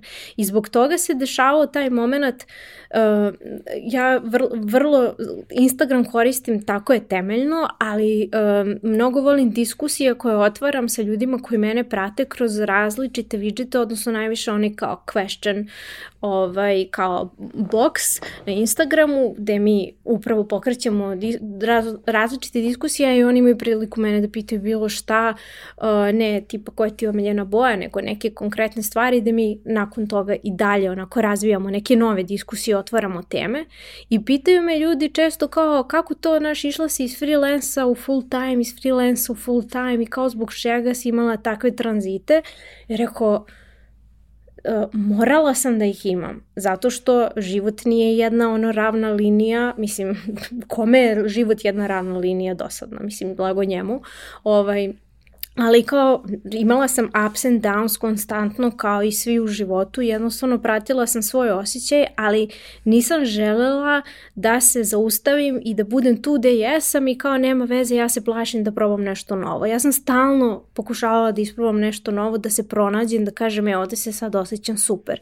I zbog toga je sve to bilo, naš kao jedan faks, pa drugi faks, pa jedno zanimanje, pa drugo zanimanje, pa onda probaj malo ovo, pa radi, ne znam, 3-4 posla odjednom, pa radi freelance ovo i, i tražim se, a ništa od toga ni uzalud. Zato što ja konstantno kroz cijel taj period sakupljam mnogo, mnogo iskustva i onda gradim jedan, jedno ogromno znanje o, o biznisu, preduzetništvu uopšte, o poslu, o dizajnu, o odnosima sa ljudima, sa, sa klijentima, načinom komunikacije, prezentovanjem svim i pravim jednostavno neku bazu za, za neki dobar moj biznis koji ono se dešava recimo u ovom sad momentu.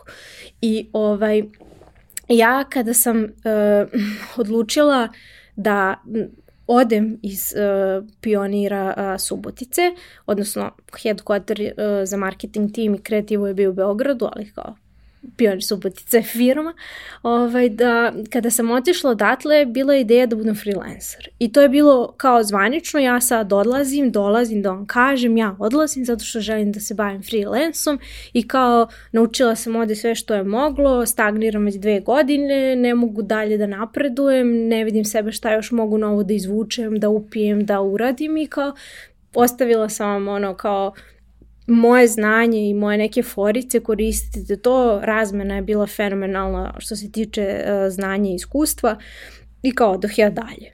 Međutim, kao što rekoh, nikome život nije ravna linija. Znači, moj život je u tom trenutku krenuo vrtoglavo da pada na nekom ono privatnom ovaj, nivou i jednostavno ja sam baš ono pala jako nisko i emotivno nisam bila na, niti psihički na nekom dobrom mestu i ja sam shvatila da jednostavno freelance u ovom trenutku nije dobra ideja. Zato što ja ne mogu da izvedem ono što recimo sam navikla ne samo što sam ja sebe navikla, nego što sam obećala nekom klijentu i to nije u redu. Mislim, nije u redu ni za mene, ni za tu osobu koja plaća svoj rad, a ne može da dobije ono što očekuje. Vrlo je teško praviti bilo kakvu freelance priču u situaciji u kojoj ne možeš da budeš dovoljno motivisan za da, tako nešto. Tako je, tako je. Moguće, posebno kad u nekom trenutku gomila stvari pređe u rutinu i to više nije, ali jednostavno ono, ako se tebi to ne radi, ti to nećeš uraditi toliko dobro. Ako ti se ne radi, ne radi, ti nećeš juriti još posla, a kad si freelancer, moraš, da moraš da, da juriš. Tako je. To je, to je bilo ono što je bilo najproblematičnije, jer kao ja, prosto bio je jako loš uh, trenutak, a sve se tako nekako bez vezi dešavalo jednostavno nisam mogla da utičem na to i ja sam shvatila, ok, znači sad ova moja silna želja da ja pređem u te ono preduzetničke vode i da budem ono sam svoj čovek, očigledno da ne može sad i kao ne, ne mogu da ga teram, ne mogu da ga nateram da to bude sad.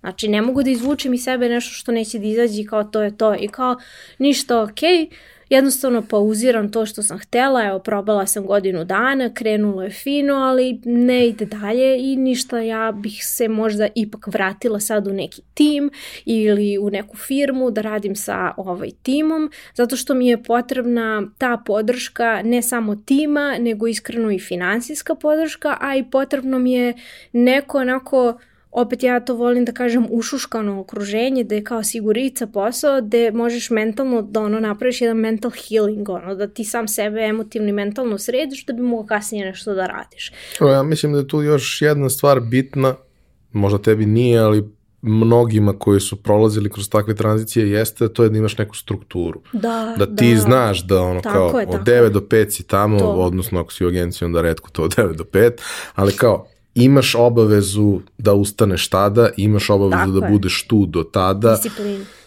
Imaš neki, u idealnim okolnostima, imaš neki tim ljudi koji ti odgovaraju, koje voliš, sa kojima ti je lepo da radiš, koji će iz tebe da izvuku najbolje, koji će da te pokriju u nekom trenutku kada ti ne možeš iz sebe da izvučeš najbolje.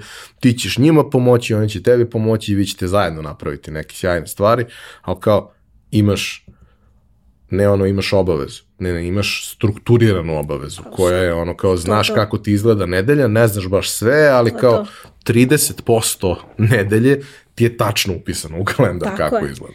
I to, ta, ta, to je, pa to je ono kao ta, ta sigurica, znači nešto zašto ćeš ti da se uhvatiš i držiš čvrsto i da kažeš ovo će svako jutro da me diže iz kreveta i kao znam da moram to, idemo, znaš, kao nema, nema sad stajanja.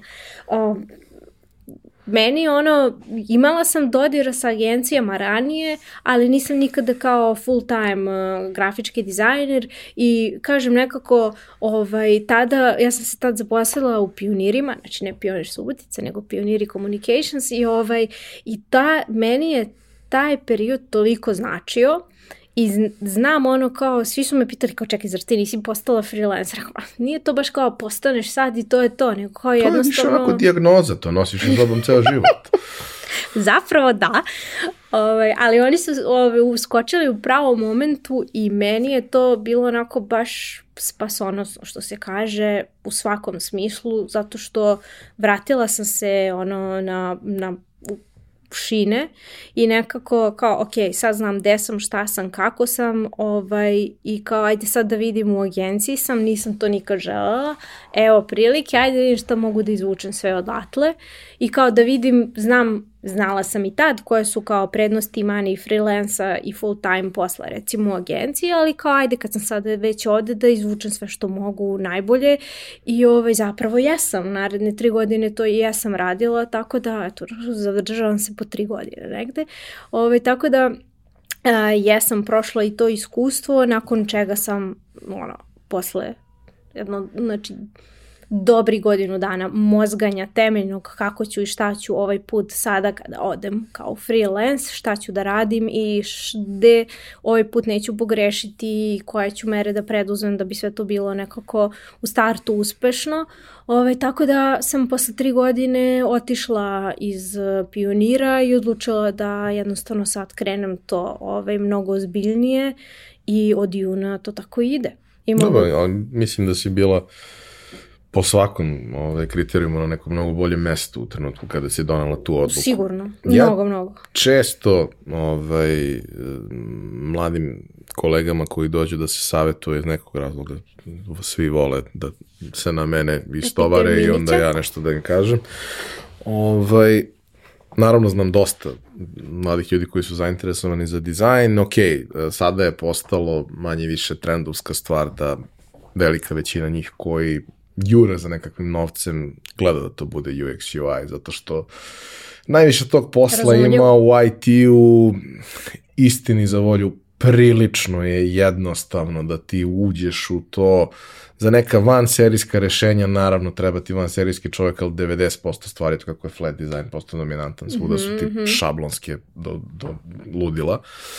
I ja to mnogo češće posmatram kao inženjersku stvar nego kao dizajnersku stvar, ali okej. Okay ali oni koji hoće da se bave multimedijalnim dizajnom u bilo kom segmentu, bilo da je u pitanju grafički, bilo da je u pitanju um, ovo nešto što je između grafičkog i web dizajna što se danas koristi na, na, kroz mnoge kanale. Ja svima kažem da u nekom trenutku treba da prođu drill dobre agencije, zato što to ti omogućava, kao što ti omogućava kada uđeš u ozbiljan sistem, da radiš sve što tom sistemu treba, što znači da naučiš sve što jednom ozbiljnom velikom sistemu treba, sa vrlo visokim nivom odgovornosti. Ja sam siguran da bi ja umeo da nacrtam ambalažu za nešto što će da se ovaj, oštampa u milion primjeraka. I isto tako sam siguran da ne postoji šansa da ne bi imala slovna greška i ja bi to video nakon što se oštampa milion primjeraka. E, tako. Ali dobro, to je zato što ja slovne greške vidim tek nakon što se oštampaju. ovaj, ali agencija sa druge strane nudi mogućnost da radiš toliko različitih stvari za toliko različitih brendova. Ja često kažem, pošto suštinski nikad se nisam bavio agencijskim poslom, na taj način imam svoju agenciju, ali mi radimo malo drugačije stvari. Ali ja sam dugo godina proveo i dalje to radim donekle kao neka vrsta tehničke podrške za gomilu agencija, kao outsourcing partner koji radi tehničku realizaciju kompleksnijih aktivacija mm i sličnih stvari, programiranje, da kažemo, dizajn i programiranje tih stvari. I onda s vremena na vreme, nažalost i dalje dominantno kod stranih klijenata, odnosno multinacionalki, ali polako počinje i kod nas, sam taj moment kad ti od nekog dobiješ knjigu standarda je wow. Kada uzmeš da čitaš i shvatiš kako neki brendovi se odnose prema tome. Kod nas najbolje čemu možeš da se nadaš je da ti je objašnjeno kako koristiš na kojoj ono, pozadini, sa kojim bojama i koja veličina logoa sme da bude i koje su varijacije.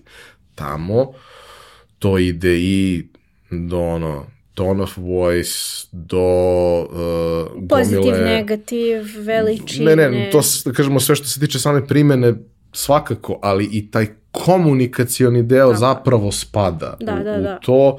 Onda imaš i ono kao uh, komplementarna fotografija, na koji način bi trebalo fotografija da prati to što brand, brand da. radi. Jer kao mi sad imamo situaciju da 2022. godine većina ozbiljnih lokalnih brendova fotka svoje materijale za social i evo, neki od njih fotkaju to i kod nas, kod našeg kolege Stefana Đakovića koji je genijalan, fantastičan za to i ono, uvek sam ponosan kad prođem pored nekog billboarda koji je on radio ili negde vidim taj, taj proizvod ovaj, koji je fotkao.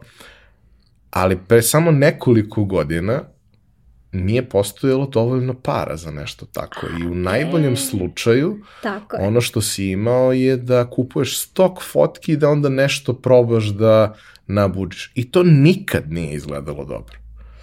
Nekad je bilo dovoljno dobro da prođe u tom trenutku, ali vrlo često prosto nije bilo ni dovoljno dobro da prođe. Mislim, znaš, kao ta varijanta gde ti nekome u ruku staviš drugu flašicu, to ne može da izgleda dobro koliko god se ti potrudio i koliko god imao talent. I onda mi se čini da kao taj iskorak koji se desio je značajan, a taj prostor koji ti dobijaš radeći u agenciji, da sa nekoliko različitih, potpuno različitih brendova, radiš potpuno različite stilove i učiš sebe da ono kao, ok, ti imaš svoj autorski potpis, to je u redu i neko će te angažovati upravo zbog toga. Ali ako si profesionalac, ti to treba da možeš da uradiš i na drugi način. Onaj koji ima mnogo više smisla za taj brend. Onaj koji nema nikakve veze sa tvojim senzibilitetom, ali ti si profesionalac, nisi umetnik. Dizajn može da bude umetnost. Ali ako kažemo da je dizajn primenjena umetnost, onda to podrazumeva malo drugačiji pristup stvarima.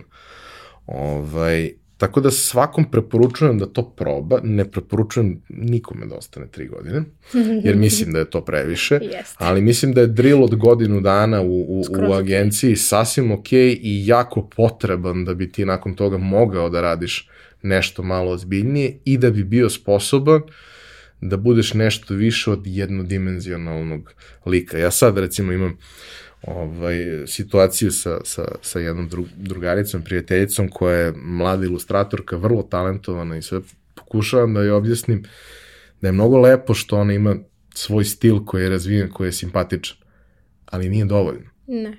To je slatko i može uvijek da se pohvali time na Instagramu Tako i je. njeni drugovi će da kažu da je to super Tako je. i neki klijenti će da kažu da im se to sviđa. Ali dobar ilustrator ume to da uradi u mnogo različitih stilova i ume, ja sam često gledao te primere, znaš, kad, kad neko uzme, pa kao vežbu, jedan isti karakter provuče kroz 10 stilova. Različitih stilova. I meni je to uvek bilo wow. I to ti pokazuje ono veštinu koja stoji iza toga. Jedna stvar je ideja, kreativnost i sve, ali veština je preduslov da ti time zaista možeš da se baviš na jednom visokom nivou. Od dizajna može da se živi i ako nisi na tom nivou, ali ako ciljaš da budeš u NBA-u, onda je prosto potrebno da mnogo češće izlaziš iz, iz, iz zone komfora i mnogo češće radiš stvari koje nisu možda bliske tvom senzibilitetu, ni vizualno, ni color šemom, ni tipografijom, ni organizacijom, kako to sve izgleda da uzmeš da uradiš nešto što je ono, ako si ti sva, a ti jesi sva, mislim, ta cela tvoja estetika je grli i slatka i pastelna i sve. I kao, Greška. brate, ok, jeste, jeste. Mislim, nije samo to, slažem se, ali kao, znaš, ono, ja to vezujem za te preslatke karaktere i preslatke pastelne boje kombinacije, tipografiju koja to prati, ali gledao sam i tvoje radove koji uopšte nemaju nikakve veze Pa sa tim. upravo to. E, a samo da ti kažem, super si to spomenuo, zato što sam ja htjela malo pre još da spomenem jednu isto anegdotu, jedan veliki dizajnerski studijum pre mnogo godina, kad sam ja pre pionira Subotice, dok sam pokušavala da nađem neki stalni posao, ovaj, ja sam njima poslala neki svoj prvi kao portfolio i sećam se da je ove žena koja je tad bila vlasnik tog studija pogledala to i rekla kao ovo je stvarno super ali kao ne sviđa nam se tvoj stil, to nam ne odgovara. I ja sam tad bila šokirana tom rečenicom da neko to iz dizajnerskog studija kaže i kao da li je moguće da ja moram sad da, da pišem mail da im objasnim da sam ja dizajner. Znači, ono što vi vidite, vi vidite uh, skup različitih briefova da je neki klijent nešto tražio i kao vi ne možete da prepoznate moj stil na osnovu tuđih briefova, odnosno radova, jer kao nisam u ovom portfoliju stavila ništa od onoga što ja privatno radim, nego kao isključivo ono što su drugi ljudi tražili i što sam im donela. I mene to tako dugo mučilo, kao kako, ja sam, ja sam dizajner, ja sam profesionalac, ja mogu da radim 20 različitih stilova, kao samo da su mi dali šansu. I kao nema veze, ajde kao, dugo me to mučilo i kao shvatit ću jednog dana kad porastem, jer ovo šta, šta je u stvari žena htela da kaže, dok nisam ono 10 godina kasnije počela da radim ovaj, di, dizajn takav da sam u stvari samo se vratila na tu situaciju i dobila se, dala sebi potvrdu za ono što sam mislila. Naprimjer, bilo je moment da je ona upravo to, pojavi se uh, girly brand, klijent koji želi sve, ci, ci, ono, jednostavno tar, target grupa su žene i sve tako mora bude cutie pie, ono, kao vaj, što se kaže, rozikasto, pastelno i kao to, furamo to, zovemo Eve. I onda naravno, ono, kao ja vladam super i fontovima i tim bojama i celom tom estetikom i to je skoro super, oni znaju moj senzibilitet, ja to odradim super.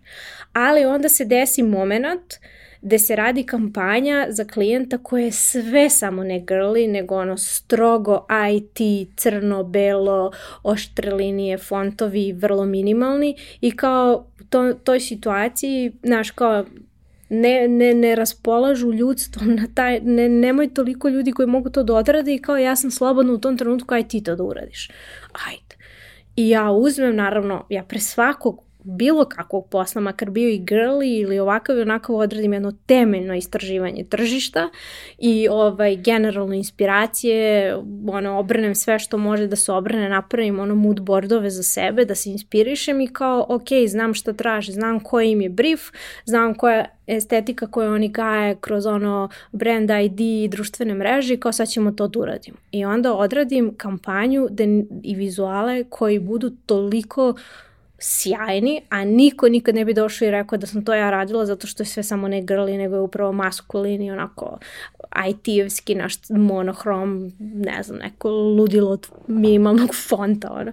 I kao, prosto ja iznenadim sebe i kao, ali čekaj šta si ti, ti, ti želiš da budeš profesionalni uh, dizajner koji, koji neće da radi samo sa dva fonta i dve boje, nego kao želiš da, da, da svoj jednostavno uh, portfolio raširiš na 42 stranice, ono, A3 formata i kao, evo gledajte šta ja sve radim. I, ovaj, I onda sam išla ka tome da svaki put kad bi se desio tako neki zadatak, prvobitno bih se naravno uplašila i rekla, o ne, ovo ja ne znam da radim. Naravno, stal, konstantno taj ono sindrom straha, ono što se kaže imposter sindrom. Ovaj, I Međutim, kao čekaj, idemo, imaš recept, znači toko godina se baviš time, idemo redom, ajmo, idemo istraživanje, da vidiš koje boje se kombinu, istraži estetiku, IT, minimalno, ddd, i kao šta sad tu može dalje teško da bude. Znači, kao moraš da veruješ sebi, znaš da si fenomenalno, ono, potkovan dizajner, tehnički super radiš stvari i kao, ajde sad, samo primeni to što si videla i naučila novu estetiku na provucije kao kroz svoju magiju i radi kampanju. Tako da, ovaj, apsolutno se slažem da nisam 100% sigurna za ilustratore. Ilustratori su malčice više onako Meni jeste wow kad ja vidim da ilustrator uzme i odradi karakter, jedan karakter, lupam paju patka u deset različitih stilova i meni je to wow, ono kao magija.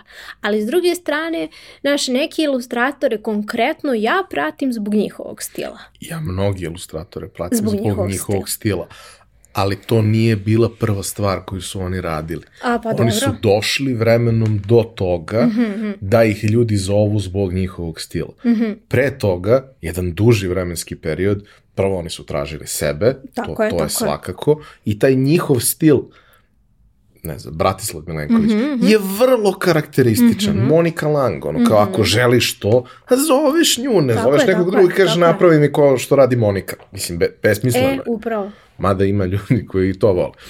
Ali kao, znaš, ali to je faza 2, to je faza kada si ti došao u Real Madrid do Real Madrida okay. ne dolaziš tako što ono uporno odbijaš konvencije, zato što ako uporno odbijaš konvencije ne dobiješ priliku nikad da pokažeš to što radiš. To ti je ona priča kao sa Picassom, znaš, kao svi ti dođu i kažu, ne znam, kao je Picasso žvrlja neke kubikle, ono, što se kaže, znaš, kao doda im crvene usta i ne znam, to sve može da nacrta i neko dete i onda kao ti posle moraš da objašnjaš koliko mislim, svi ti slikari koje su, čiji je rad nerazumljiv nekoj možda ne znam, polovini ili većini ili manjem broju ljudi generalno, znači moraš da im objasniš da su svi ti ljudi morali pre toga da, dobro, dobro, mnogo crtaju i slikaju različite stilove. Oni su toliko stilove. slikali to dobro, tu da su odlepili i uzeli ovo da rade, mislim, to je neka moja teorija. Da, da, tako je, tako i sa, mislim, slažem se, tako i sa ilustratorima i sa dizajnerima, ovaj, s tim što, na primer, u mom slučaju ja sam uh, došla do, do tog momenta da ja sada kao neko ko ima kao svoj studio i postoje prepoznatljiv po određenom stilu, iako nisam ilustrator, nego grafički dizajner, ja sada sebi recimo mogu da dozvolim, a ono što nisam mogla ranije da dozvolim, jeste da ja, a kada mi najde neki projekat, ja jednostavno, znaš ono kad ne uklapaš se, nisi perfect match sa tim projektom ili sa tim klijentom ili ne, znaš, kao to, to nije nešto u čemu bi ti živo, uživao, ja mogu da kažem, e, e, hvala mnogo na upitu i kao divno i drago mi i zbog preporuke i svega, ali jednostavno ja mo, mislim da ja ne bih bila dobar E, jednostavno meč za vaš brand, ali mogu da vam preporučim kolege koje to bi super odradile.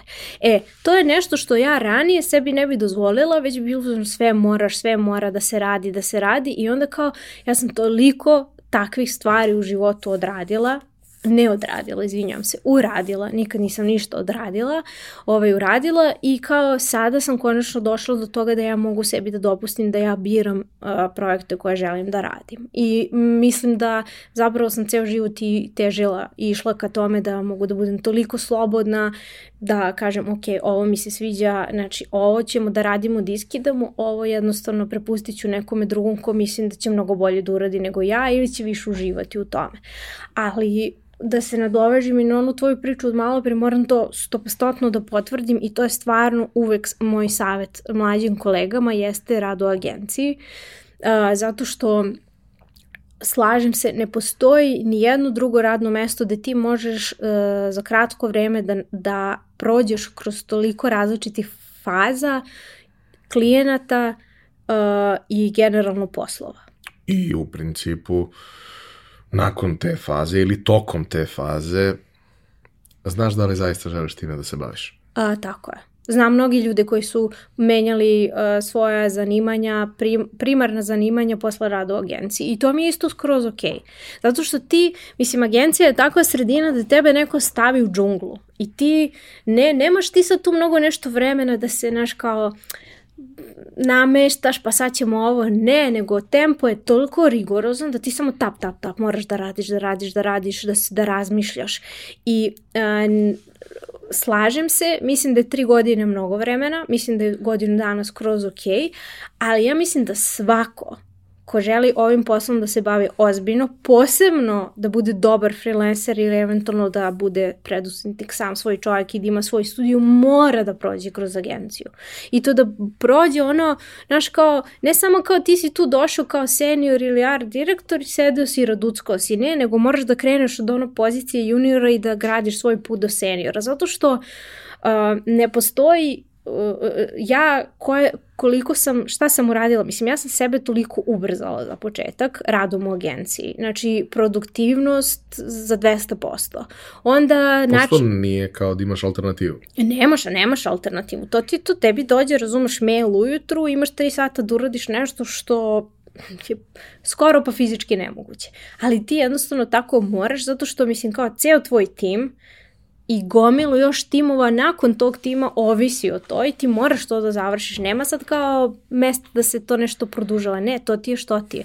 I ti moraš da naučiš da za ta recimo 3 sata uh, dođeš od nule do 10 plus rešenja ili eventualno barem 9 ono kao devetku da dobiješ za to rešenje, znači da to bude super, super, da možda pustiš, da staneš iza toga i kažeš ok, ovo je moj rad, uh, i kao ovo je najbolje što je mo moglo da se uradi u datom trenutku. E, ti kada prođeš kroz sve te faze i se, sve te različite briefove, klijente, načine komunikacije sa klijentima, sa timom, akauntima, strateg, ne znam, strateg timom, ne znam, community, sa svima, ti toliko znanja i iskustva sakupiš da, mm. bos, da I trauma, i trauma. I trauma, naravno, da je ono posle toga kad izađeš kažeš sebi ovako, e ok, ovo nema šanse više nikad, ovo sebi neću dozvoliti, ovo mi je mnogo značilo, ovo ću da koristim i kao jednostavno znam kako želim da izgleda moj život u narednom periodu samo zato što sam prošla kroz nešto što je bilo toliko intenzivno. A da nisam prošla kroz to, verovatno bih ono moj put rasta bio mnogo sporiji. Ne A trajalo znam. bi 10 godina, Trajalo- to što da. je trajalo 3. Tako je. Ta, imaš jedan moment gdje, gdje si baš onako upotrebila pravu frazu za to. Ja to isto vrlo često pričam ljudima kad eh, pričamo o tome kako izgleda raditi neku stvar, najčešće kao freelancera, nekad i kao deo tima, nebitno, ali kao eh, kad ulaziš u to i sad eh, posmatraš to što radiš kroz nekakav novac, imaš neki finansijski cilj na kraju meseca. Sad naravno u startu taj finansijski cilj nije preveliki, ako iole znaš šta radiš, moći ćeš da ga dostigneš bez možda i previše nekih poslova i svega toga, ali naravno što si ambiciozniji, što imaš veće ciljeve, što se od tebe očekuje da više izbacuješ, to znači da možeš budeš bolje organizovaniji, optimizovaniji i apsolutno. tako dalje. Da. Znaš, jedna stvar je kad ti radiš kreativu, nekada neke stvari u kreativi mogu da se urade jako brzo ako ih ti unapred smisliš. Sama realizacija se desi časko. Iako imaš iskustvo. Ne, ne, naravno, naravno, ako imaš iskustva, ali ako imaš, ako si ti se, ono, Javi ako si brzo. skontala šta, To, to. ti ćeš to brzo izvesti. Neke stvari ne možeš, ima previše elemenata i ne možeš, ali neke stvari možeš, ali tipa, u slučaju da se baviš pisanjem, Mhm. najbrže što možeš da napišeš nekada nije dovoljno brzo. Jasno. A ako pritom izgubiš beskonačno vremena, pokušavajući, vraćajući se i sve ostalo, znaš, kao to jednostavno nije rešenje. Onda imaš taj moment, kako si ti to rekla, uh, najbolje, u- naj, najbolje rešenje u datim okolnostima.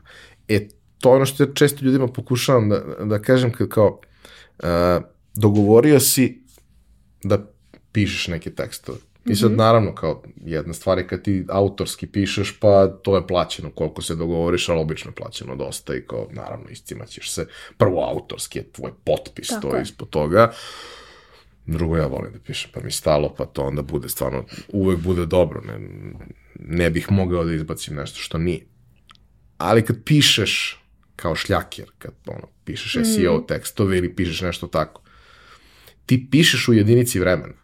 Znataš, ti ako si se dogovorio, ne znam, 20 evra po tekstu ili 25 evra po tekstu, taj tekst ne može da ti uduzme ceo dan, jer nema nikakvog smisla da ti radiš za, za taj novac. Tako je, tako je. I kao, moraš da se organizuješ, da naučiš sebe Da naučiš sebe. da ono konkretan posao oročiš na neku količinu vremena Tako je, i tako da je. postaviš sebi u glavi razmišljanje na sledeći način.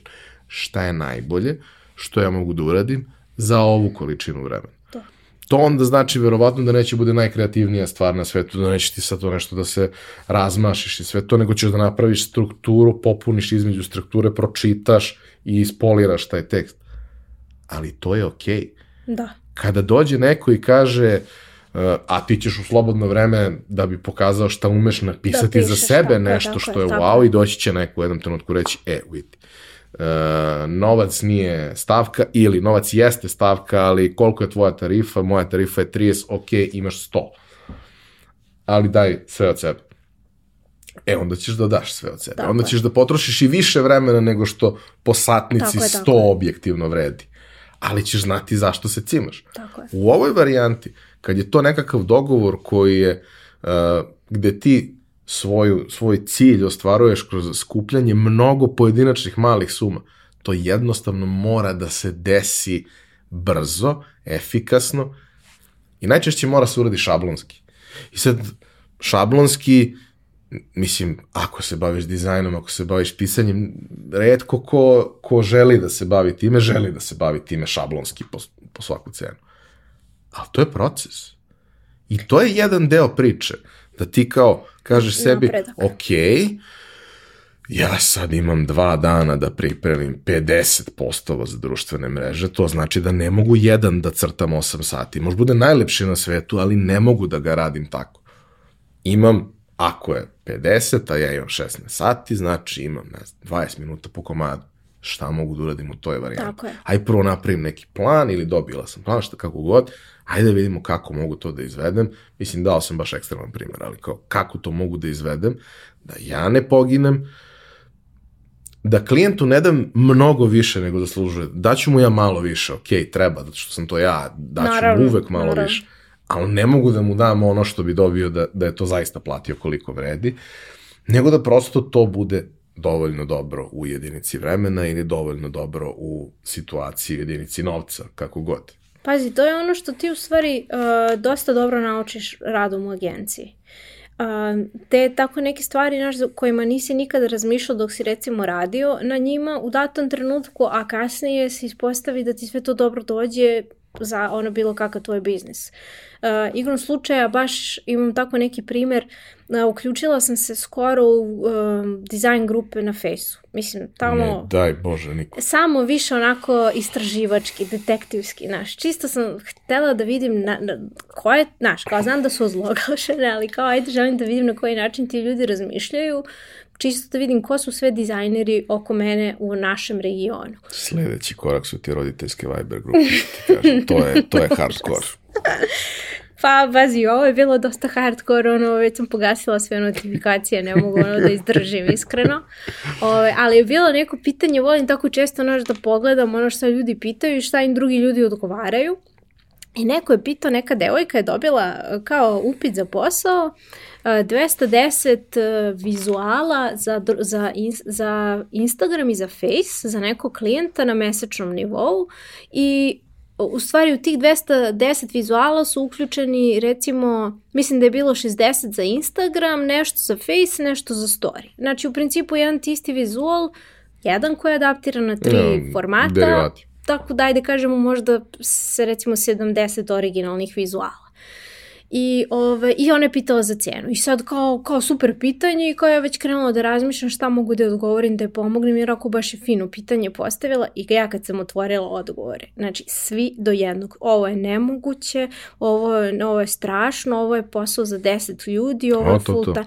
Kao sa majstorima da pričaš. Znači, znaš ti koliki je to posao, ko je ti ovo posao, radio. Ko, da, da. Znaš. I ovako čitam i, i, i nije me mrzelo da odgovori. Mislim da mi je to verovatno jedini komentar ono, u tim grupama. Ove, ja se sećam, uh, znači jedan od projekata na koje sam ja baš mnogo ponosna jeste uh, metalac uh, društvene mreže, odnosno metalac feed na Instagramu. I mislim da smo dobili pre godinu, dve neku nagradu, mislim da je bila PC Press ili tako nešto za Instagram. I, o- ali stvarno tim uh, nas koji smo radili na metalcu, mi smo se baš mnogo trudili da taj feed ostane tako netaknut i da ne može niko da deluje na nas sa nekim day to day ono postovima, objavama koje su hitne, koje nemaju veze generalno sa onim što mi postojemo. I ovaj, ali posla za, za društvene mreže za tako veliku kompaniju je bilo toliko da sam ja jedan mesec sela, nije me mrzalo da izbrojim sve vizuale koje sam uradila za mesec dana i bilo ih je 369. Samo za metalac, za mreže. I kao, a pored toga naravno ti radiš još 5-6 klijenata i sve njihove društvene mreže i planovi i kampanje i ne znam šta sve ne i ovaj, šta sve još ne sa strane.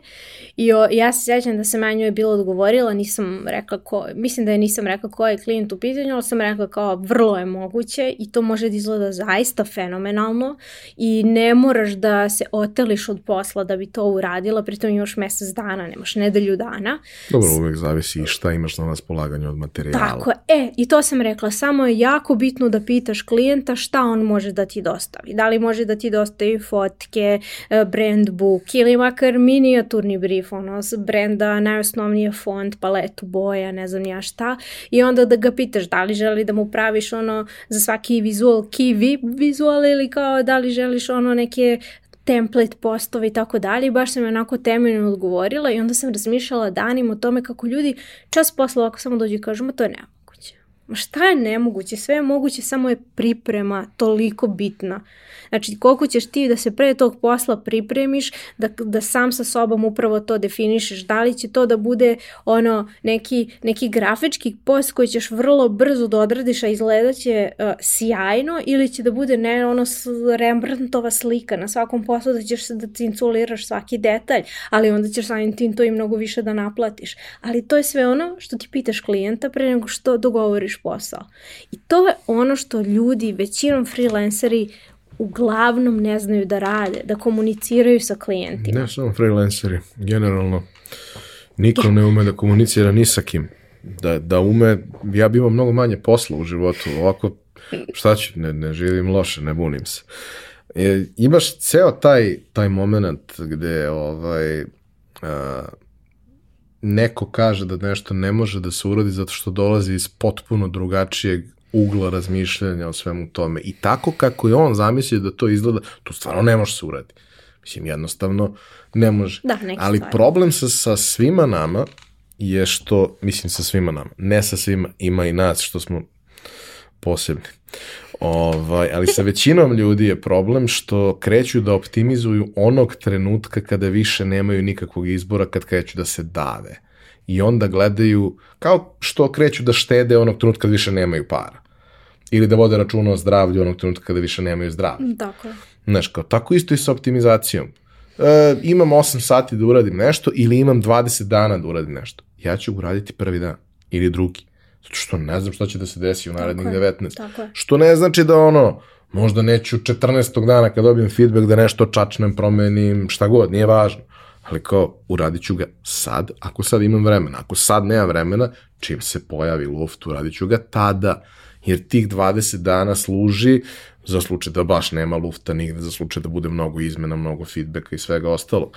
Druga stvar, kao, uh, treba da, treba da se uradi jedan određeni posao. Ja to uvek pričam ljudima kao, znaš, ok, veliki brendovi su već svesni toga i kod njih je to i mnogo drugačije i Jest. ono, imaš sezonalnost različitih stvari, fotke koje si pravila prošle godine, ove godine nisu Tako više tako relevantne, promenilo se gomila toga, ali kako si mali, ako ono, imaš džem i nisi menjao teglicu pet godina, pravi fotostok ako već organizuješ fotkanje.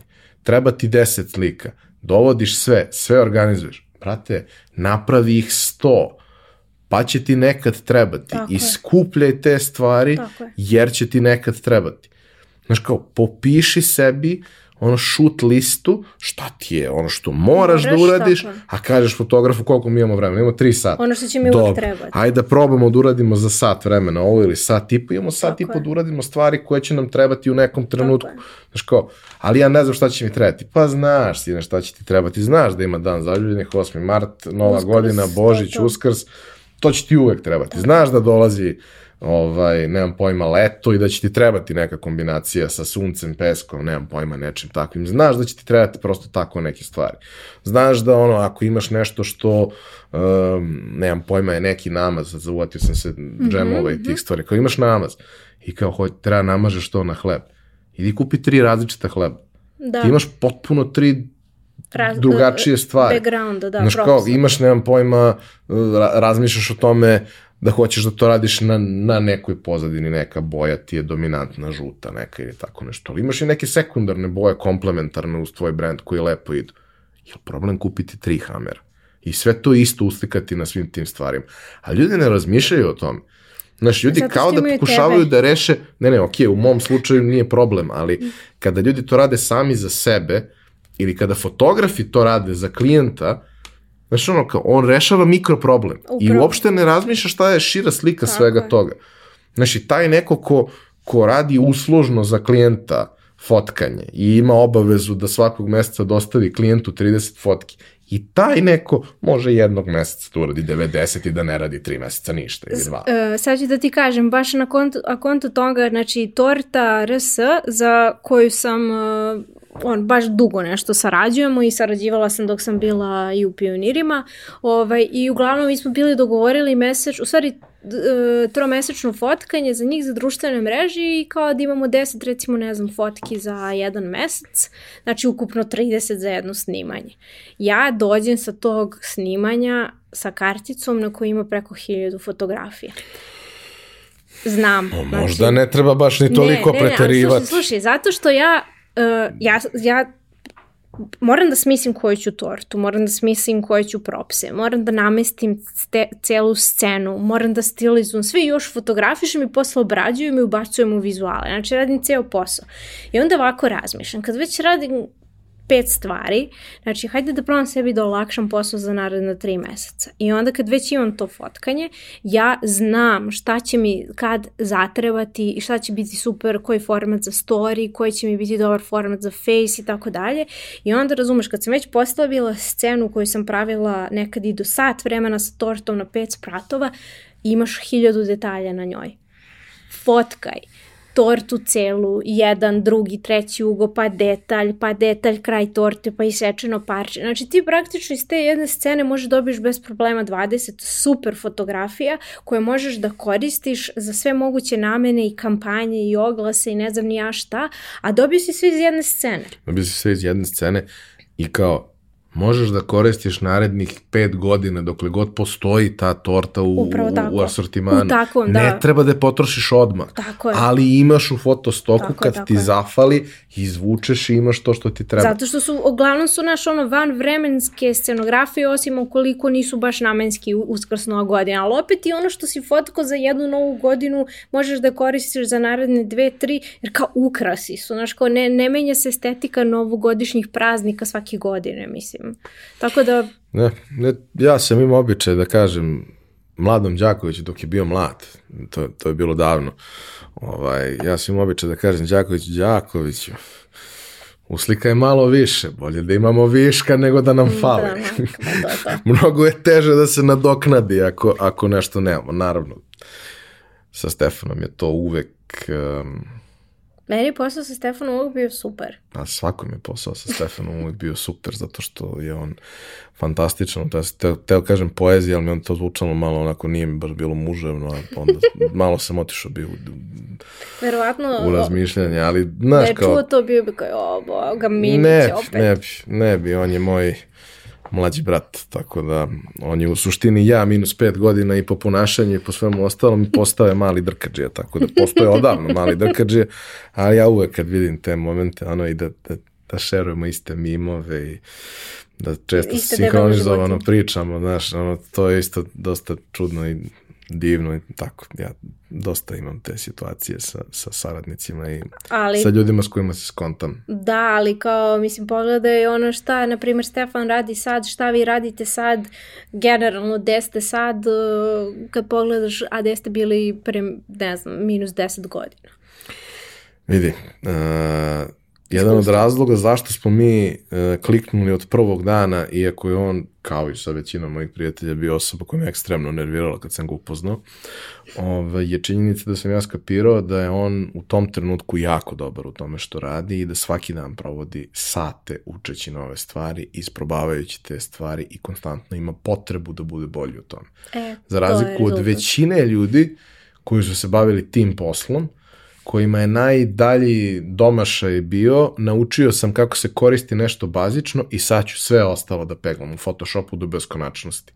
Znaš kao, sa Stefanom je uvijek bila priča, ok, retuširat ćemo šta treba se retušira, budu ponekad neke lude žene, to mora se retušira mnogo i tako dalje, ali generalno, to što izađe iz aparata je ono što je fotografija. Da ne treba on, mislim, da ok, postoji fotomanipulacija, naravno, naravno. to lepe, zanimljive stvari, sve to cool, ali to što izađe treba da bude kako treba. I to je ono što, zašto, zašto je sa njim divno raditi. Dobro, ovaj, došli smo do toga šta ti radiš sada. Otprilike si negde to objasnila da si ti sad one stop shop za neko kome treba brand dizajn i grafički dizajn sa svim ostalim parametrima koji uz to idu, zato i jeste one stop shop. Ali ono što takođe postoji tu kao, kao komponenta, malo smo se stiljivo doticali toga, ali nismo nešto preterano, a ja bih volao da i o tome nešto kažeš upravo zato što i to radiš na malo nekonvencionalan način, a to je da si ti influencer. Mislim, čak i ako ti sebe možda nekad i ne doživljavaš tako, jesi, vidim ja to Vid, ja vidim da si ti influencer. A i ti vidiš da si ti influencer, čim pitaš nešto i dođe 800.000 odgovora i, i komentara i svega. A, to kako si ti postala influencer, to si objasnila. To, to si ti i to je organski došlo. I Tako je. zato je toliko i tako i ti nemaš 300.000 ljudi koji te Ne, prate, ne. nego imaš tu neku količinu ljudi koji znaju zašto te prate. Tako je. Zato što si smešna, crvena i imaš i voliš te životinice da crtaš i stavljaš tamo i tako i blesa. Ovaj, ali brendovi, m, uvek kada pričamo o toj nekoj saradnji brendova i influencera i svega toga, ja uvek imam neki ukus gorčine kad, kad pričamo o tome. Razumem Nije to, m, nije to jedini način, nije to jedini model, ima, ima i sjajnih saradnji, ima van serijski dobrih saradnji. Ali generalno su te saradnje do nivoa bljutavog došle, jer kao vrti se istih najgledanijih x lica, sve promovišu, 90% sadržaja koji objavljuju je plaćen ili giftovan ili na neki način ono uh, sponzorisan, tu se vrti ogroman novac sa jedne strane u tim slučajevima, a iskreno mislim da vrednost ni za koga tu nije dobra, ni za one koji to gledaju, ni za brand sama, ni za tog influencera koji apsolutno izgubi svoj identitet, u Identitet. potpunosti kroz to. I sad, ti si mi tu neobična i generalno si mi vrlo oko neobična kao pojava i osoba i sve ostalo, ali neobična si mi i kao influencer. I volao bih da objasniš, ako možeš, kako ti to gledaš i kako ti radiš taj deo posla. Uh, pre recimo, pa recimo možda pet, šest godina, um, tad je moj blog i dalje onako bio baš živi, pisala sam uh, često i neke saradnje su već tad dolazile preko bloga i Instagram je naravno pratio sve to, ali mi je blog bio onako primaran. Ovaj, I odjednom kao da je kod nas došao, uh, došao taj talas gde su brendovi, klijenti agencije svi shvatili da postoji influence marketing i da je kao Srbija super tržište i treba iskoristiti. Došla direktiva sa zapada. Upravo. Upravo. I kao, iskoristite sad ovo dok, dok još možete, dok ovi tupavi influenceri još u, i blogeri nisu skontali koliko para mogu da zarade i tako dalje. I onda je to krenulo naš, ono sve boja, naš bojažljivo od strane nas blogera, gde mi kao naš iznenađeni smo što nas neko pita za neku saradnju, nešto, ne znamo ni kako se to radi, ni šta se sad očekuje od nas, a veliki ljudi iz firmi, kompanija i agencija koje vrlo dobro znaju šta rade, znaš, oni si tu kao, e, ćao, mi bismo saradnju, d, d, d, i praktično sve odradiš ti za džabe, njih super izle, izle, izreklamiraš, dobiješ tu kao neki poklončić i kao sve tebi je simpatično, a njima ono super zato što su dobili Pa, odličnu Postoje i onaj jedan, jedan užasan moment koji sam, koji sam ono čuo u par navrata pričajući sa nekim ne preterano uspešnim, ali uspešnim devojkama u tom poslu, to je pristaću na sve, nemam sadržaj. Znaš kao, ne, brate, nema i sadržaj. Ok je I da to se nemaš dešavalo, sadržaj. da, da, da, da, da. Znaš, kao otprilike, ono, zato što odjednom samo postaneš prazan jer si sve izbacio iz sebe, nisi ni malo zastao da udahneš i smisliš šta hoćeš dalje, ono stižu kao neke pro, ponude za saradnju, daj prihvataj sve, bitno da se za mene čuje, vidi i to je to. To je krenulo. Svi smo mi upali u tu zamku, sad da ne, nekome to trajalo godinama i dalje traje, a neko je ono to probao kroz jednu saradnju i video ček, ček, ček, ovde da vidim šta, nije ovde tačno ok, kao ne osjećam se uopšte prijatno ovo da radim. Mislim, nije to ništa bilo strašno, možda je bio neki proizvod koji, na primjer, nisam konzumirala nikada, ali mi je bio zanimljivo da ga fotkam. E, i onda sam ja onako dobro se zamislila i shvatila, čekaj, stani. Ja se tru, ja imam d- dva ovako puta, levo i desno. Znači, ili ću da nastavim mojim putem gde ću da ono fotkam i neću nešto previše da pišem, zato što kao šta da napišemo, ne znam, recimo o ovom kremu koju ja ne jedem, ne konzumiram, ali ajde da ga fotkam i tu kao ići ću tom putanjom i kao bit ću nesrećna što radim nešto što mi se ne dopada i što ne konzumiram, ali kao eto imam neki posleć. Ili ću da sve pauziram, okrenem za 180 stepeni i nastavim ovim putem da ću sad ja da budem ta koja diktira saradnje, sadržaj, šta se piše, na koji način se sarađuje sa brendom i tako dalje. I ja sam rekla, ok, meni se ovaj posao mnogo sviđa da pišem, jer volim mnogo da pišem i kao želim i da fotkam, da usavršam fotografiju, scenu, rasvetu, sve i kao nekako mislim da mi je ovo zanimljiv način da sve spojim, a da zaradim. Ali jednostavno ja želim da ja 100% upravljam svakom saradnjom. Zato što ja nisam, uh, vrlo često volim to da kažem, ja nisam infopult i nisam ono top shop, da ti možeš da dođeš i kao ti, evo... Ti ne možeš, često ne možeš da dobaciš do infopulta. Do pulta, da, zamisli, ako virila bi sam kosa. I kao, ove, jednostavno moram da budem vrlo stroga po pitanju toga i prema sebi i prema drugima da bi uspostavila neki kvalitet i da ja u svakom trenutku i pet godina nakon neke saradnje mogu da stanem iza toga i da kažem, e, kao ovo mi je bilo baš dobar saradnje i kao ne moram da idem ono e, retrospektivno da brišem uh, blogo, postove sa bloga ili sa Instagrama zato što me sramota, ne, nego kao to je tako kako jeste, ono kao nekada sam bila klinka, sada sam malo manje klinka i kao jednostavno i dalje stojim iza svega toga, to su moje reči, moje saradnje i tako dalje. I to je bio neki kao glavni ovaj uh, dogovor mene sa sobom, jel, gde sam rekla tako ćemo raditi i onda je krenulo po tom principu. Znači, javi se neko, kao i svima, sa nekom saradnjom nekog proizvoda koji ja recimo uopšte ne konzumiram, niti sam ikad u životu, niti, niti se slažem sa deklaracijom i sastojcima, recimo ako je ne, neki ono prehrambeni proizvod ili ne znam, ne slažem se sa, ne, ne, ne znam, ne, ne reklamiram to i to zato što uopšte to ne koristim i ja jednostavno samo ovako kažem hvala puno, jednostavno ja to ne konzumiram, ne, ne ide mi uz moj sadržaj i, i to je to, kao svako, svakako hvala ono, na upitu i kao nadam se da će biti prilike da sarađujemo na nekom drugom brendu. Uvek, uvek kada i tako odgovoriš, svako iza tog maila uh, to prihvati sasvim normalno kao čovek i u 90% slučajeva neko iz te agencije ili te kompanije se javi sa ponudom za saradnju za nešto drugo ali gde su pre toga dobro radili domaći zadatak i skontali da ja, ne znam, ne konzumiram ovo, ne konzumiram, ne reklamiram ovo i kao mislimo da bi bila perfect match. I sve češće se javlja iz godine u godinu, tako sam nekako izgradila i taj community i da kažem portfolio online na Instagramu, gde se ljudi javljaju sa tako dobrim briefovima i ponudama gde, gde prosto ono kao vi ste samo mene i čekali.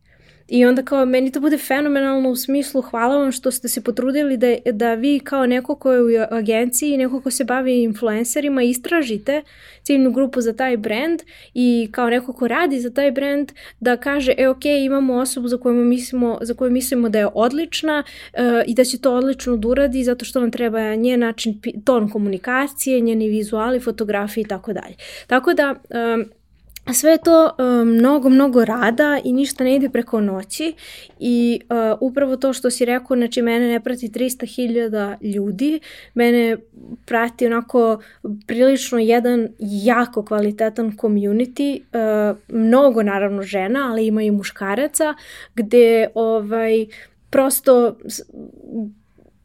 dokaz kak, kak, kakav je to fenomenalan community jesu upravo te diskusije koje ja vrlo često organizujem i kada ja vidim način na koje svi ti ljudi razmišljaju, rezonuju, kakve kak, kakve, ne znam, teme se vrti po njihovim glavima, meni u stvari bude baš jako drago i budem nekako ono što se kaže počastovana što me takvi ljudi prate.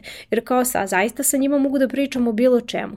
I onda ovaj, nešto što, pošto sam ja bila malo pauzirala ceo taj moment saradnje sa brendovima dok sam radila u agenciji, jer sukob interesa i tako dalje, nisam želela uopšte da to mešam. Ja sam se vratila malo aktivnije tome ovaj, od letos, I ubacila sam se ponovo u centrifugu jel, sa, sa, sa radnjama i sa brendovima, ali naravno ono strogo kontrolisano i shvatila sam u stvari koliko uživam u tome zato što mi ljudi sve više i više kreativne slobode daju kao, naš, javiti se neka ogromna kompanija, e, moram da spomenem, znači, kao projekat koji mi je možda najdrži u poslednjih ne znam koliko vremena, kao javlja mi se OTP osiguranje, da mi, da mi kaže kao da li bih htela da nacrtaš maskotu kao za nas. I ja sam u fazonu, ok, šta treba da se crta kao crna maca? Nemoj da se smeješ, ja sam se smejala. Zašto bi neko želeo da ima maskotu, mačku. Ali mnogo Mačke je loši fora. ljudi. Ne, ne, ne, mnogo je dobra fora. Baš su super smislili foru kao crna maca donosi ne, ovaj, kao naše nesreću. Kao.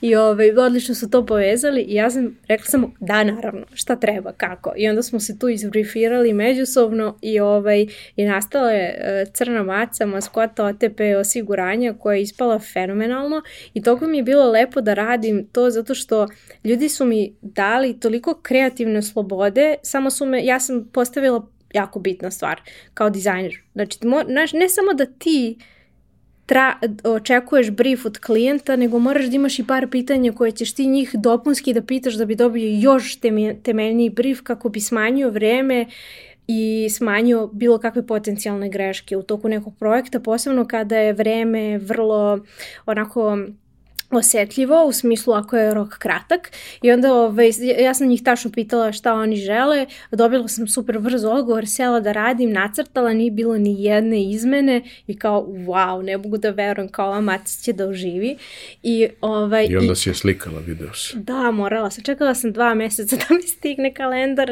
Kažu da se toliko razgrabilo, nikako da stigne jedan komad do mene. I ovaj, konačno kad je stigao, ovako sam se sela na pod i kao listam onaj kalendar i kao jo, vidi, crna maca, moja maskota. I baš mi je bilo drago nekako i onda sam razmišljala o tome koliko je fenomenalno kad dođeš do tog nivoa da, ti, da ljudi imaju toliko poverenja u tvoj rad da ti daju toliko kreativne slobode. I kao, ovo je stvari bio moj cilj ceo život, a ja to nisam ni znala. Da ti možeš da sarađuješ sa velikim i malim klijentima i da ti svi veruju i to je onaj moment kad smo pričali, kad si mi jedno ti, meni si rekao i rekao si Alex da promenimo fotke na kaveru za podcast. Ja sam se bila mnogo iznervirala kad si mi rekao da sklonim crno-bele fotke, i, ali ja sam ovako došla i rekla, rekao, slušaj, to je moj dizajn, ja stojim iza njega, to je bilo primarno, radimo tako, ne menjamo, ja stojim, iako si ti za mene na neki način autoritet u ovom Ako svetu, volite da imate umrlice na thumbnailovima, imajte. nije umrlica, Jeste, nije. jeste. Ja kad vidim crno-belu sliku, nije mi dobro dva dana. Nećemo komentarisati, uglavnom rekla sam ti nema šanse. Ali mala Ivana pre 15 godina bi rekla, ja pa dobro, pa misliš, pa ko je, pa šta, pa kako.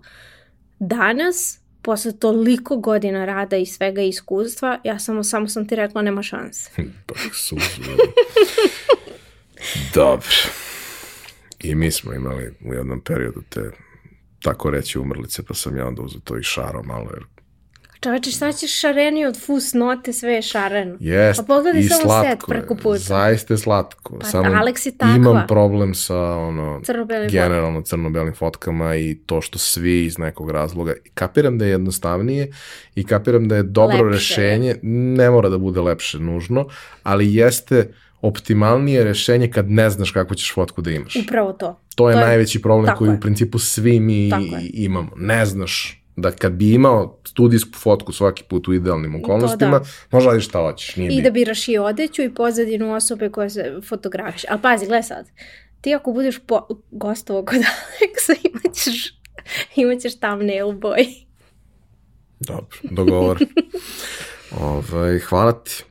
Nadam se da, da ti je bilo lepo. Nadam se da je vama bilo lepo što, što ste slušali ovu priču, jer mislim da iz nje može mnogo da se nauči, a da ovaj, postoji toliko toga nestandardnog i neobičnog, gde prosto svako ko, ko je na nekoj prekretnici iz toga može da se osnaži za, za nekakav iskorak svi mi kroz život prolazimo kroz takve stvari. Onda kad napravimo neki rezultat, mnogi vole da ćute na te teme i preskoče sve to i Upravo. ti si to pominjala.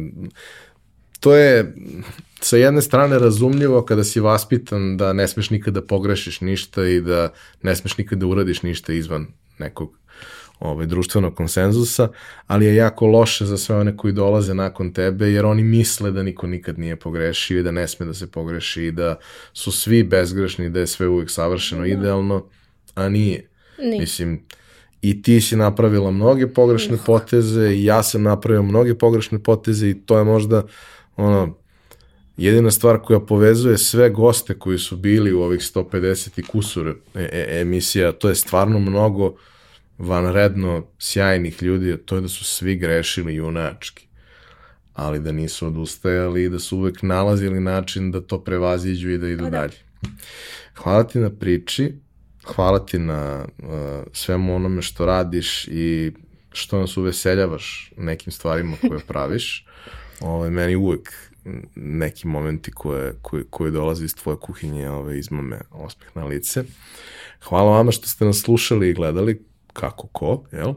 Kao i do sad sve komentare, sugestije, pitanja ostavite na za to predviđenim mestima na društvenim mrežama ili u komentarima na YouTube-u. To bi bilo to od nas za, za ovaj put. Mi se čujemo i vidimo ponovo sledeće nedelje. Ćao!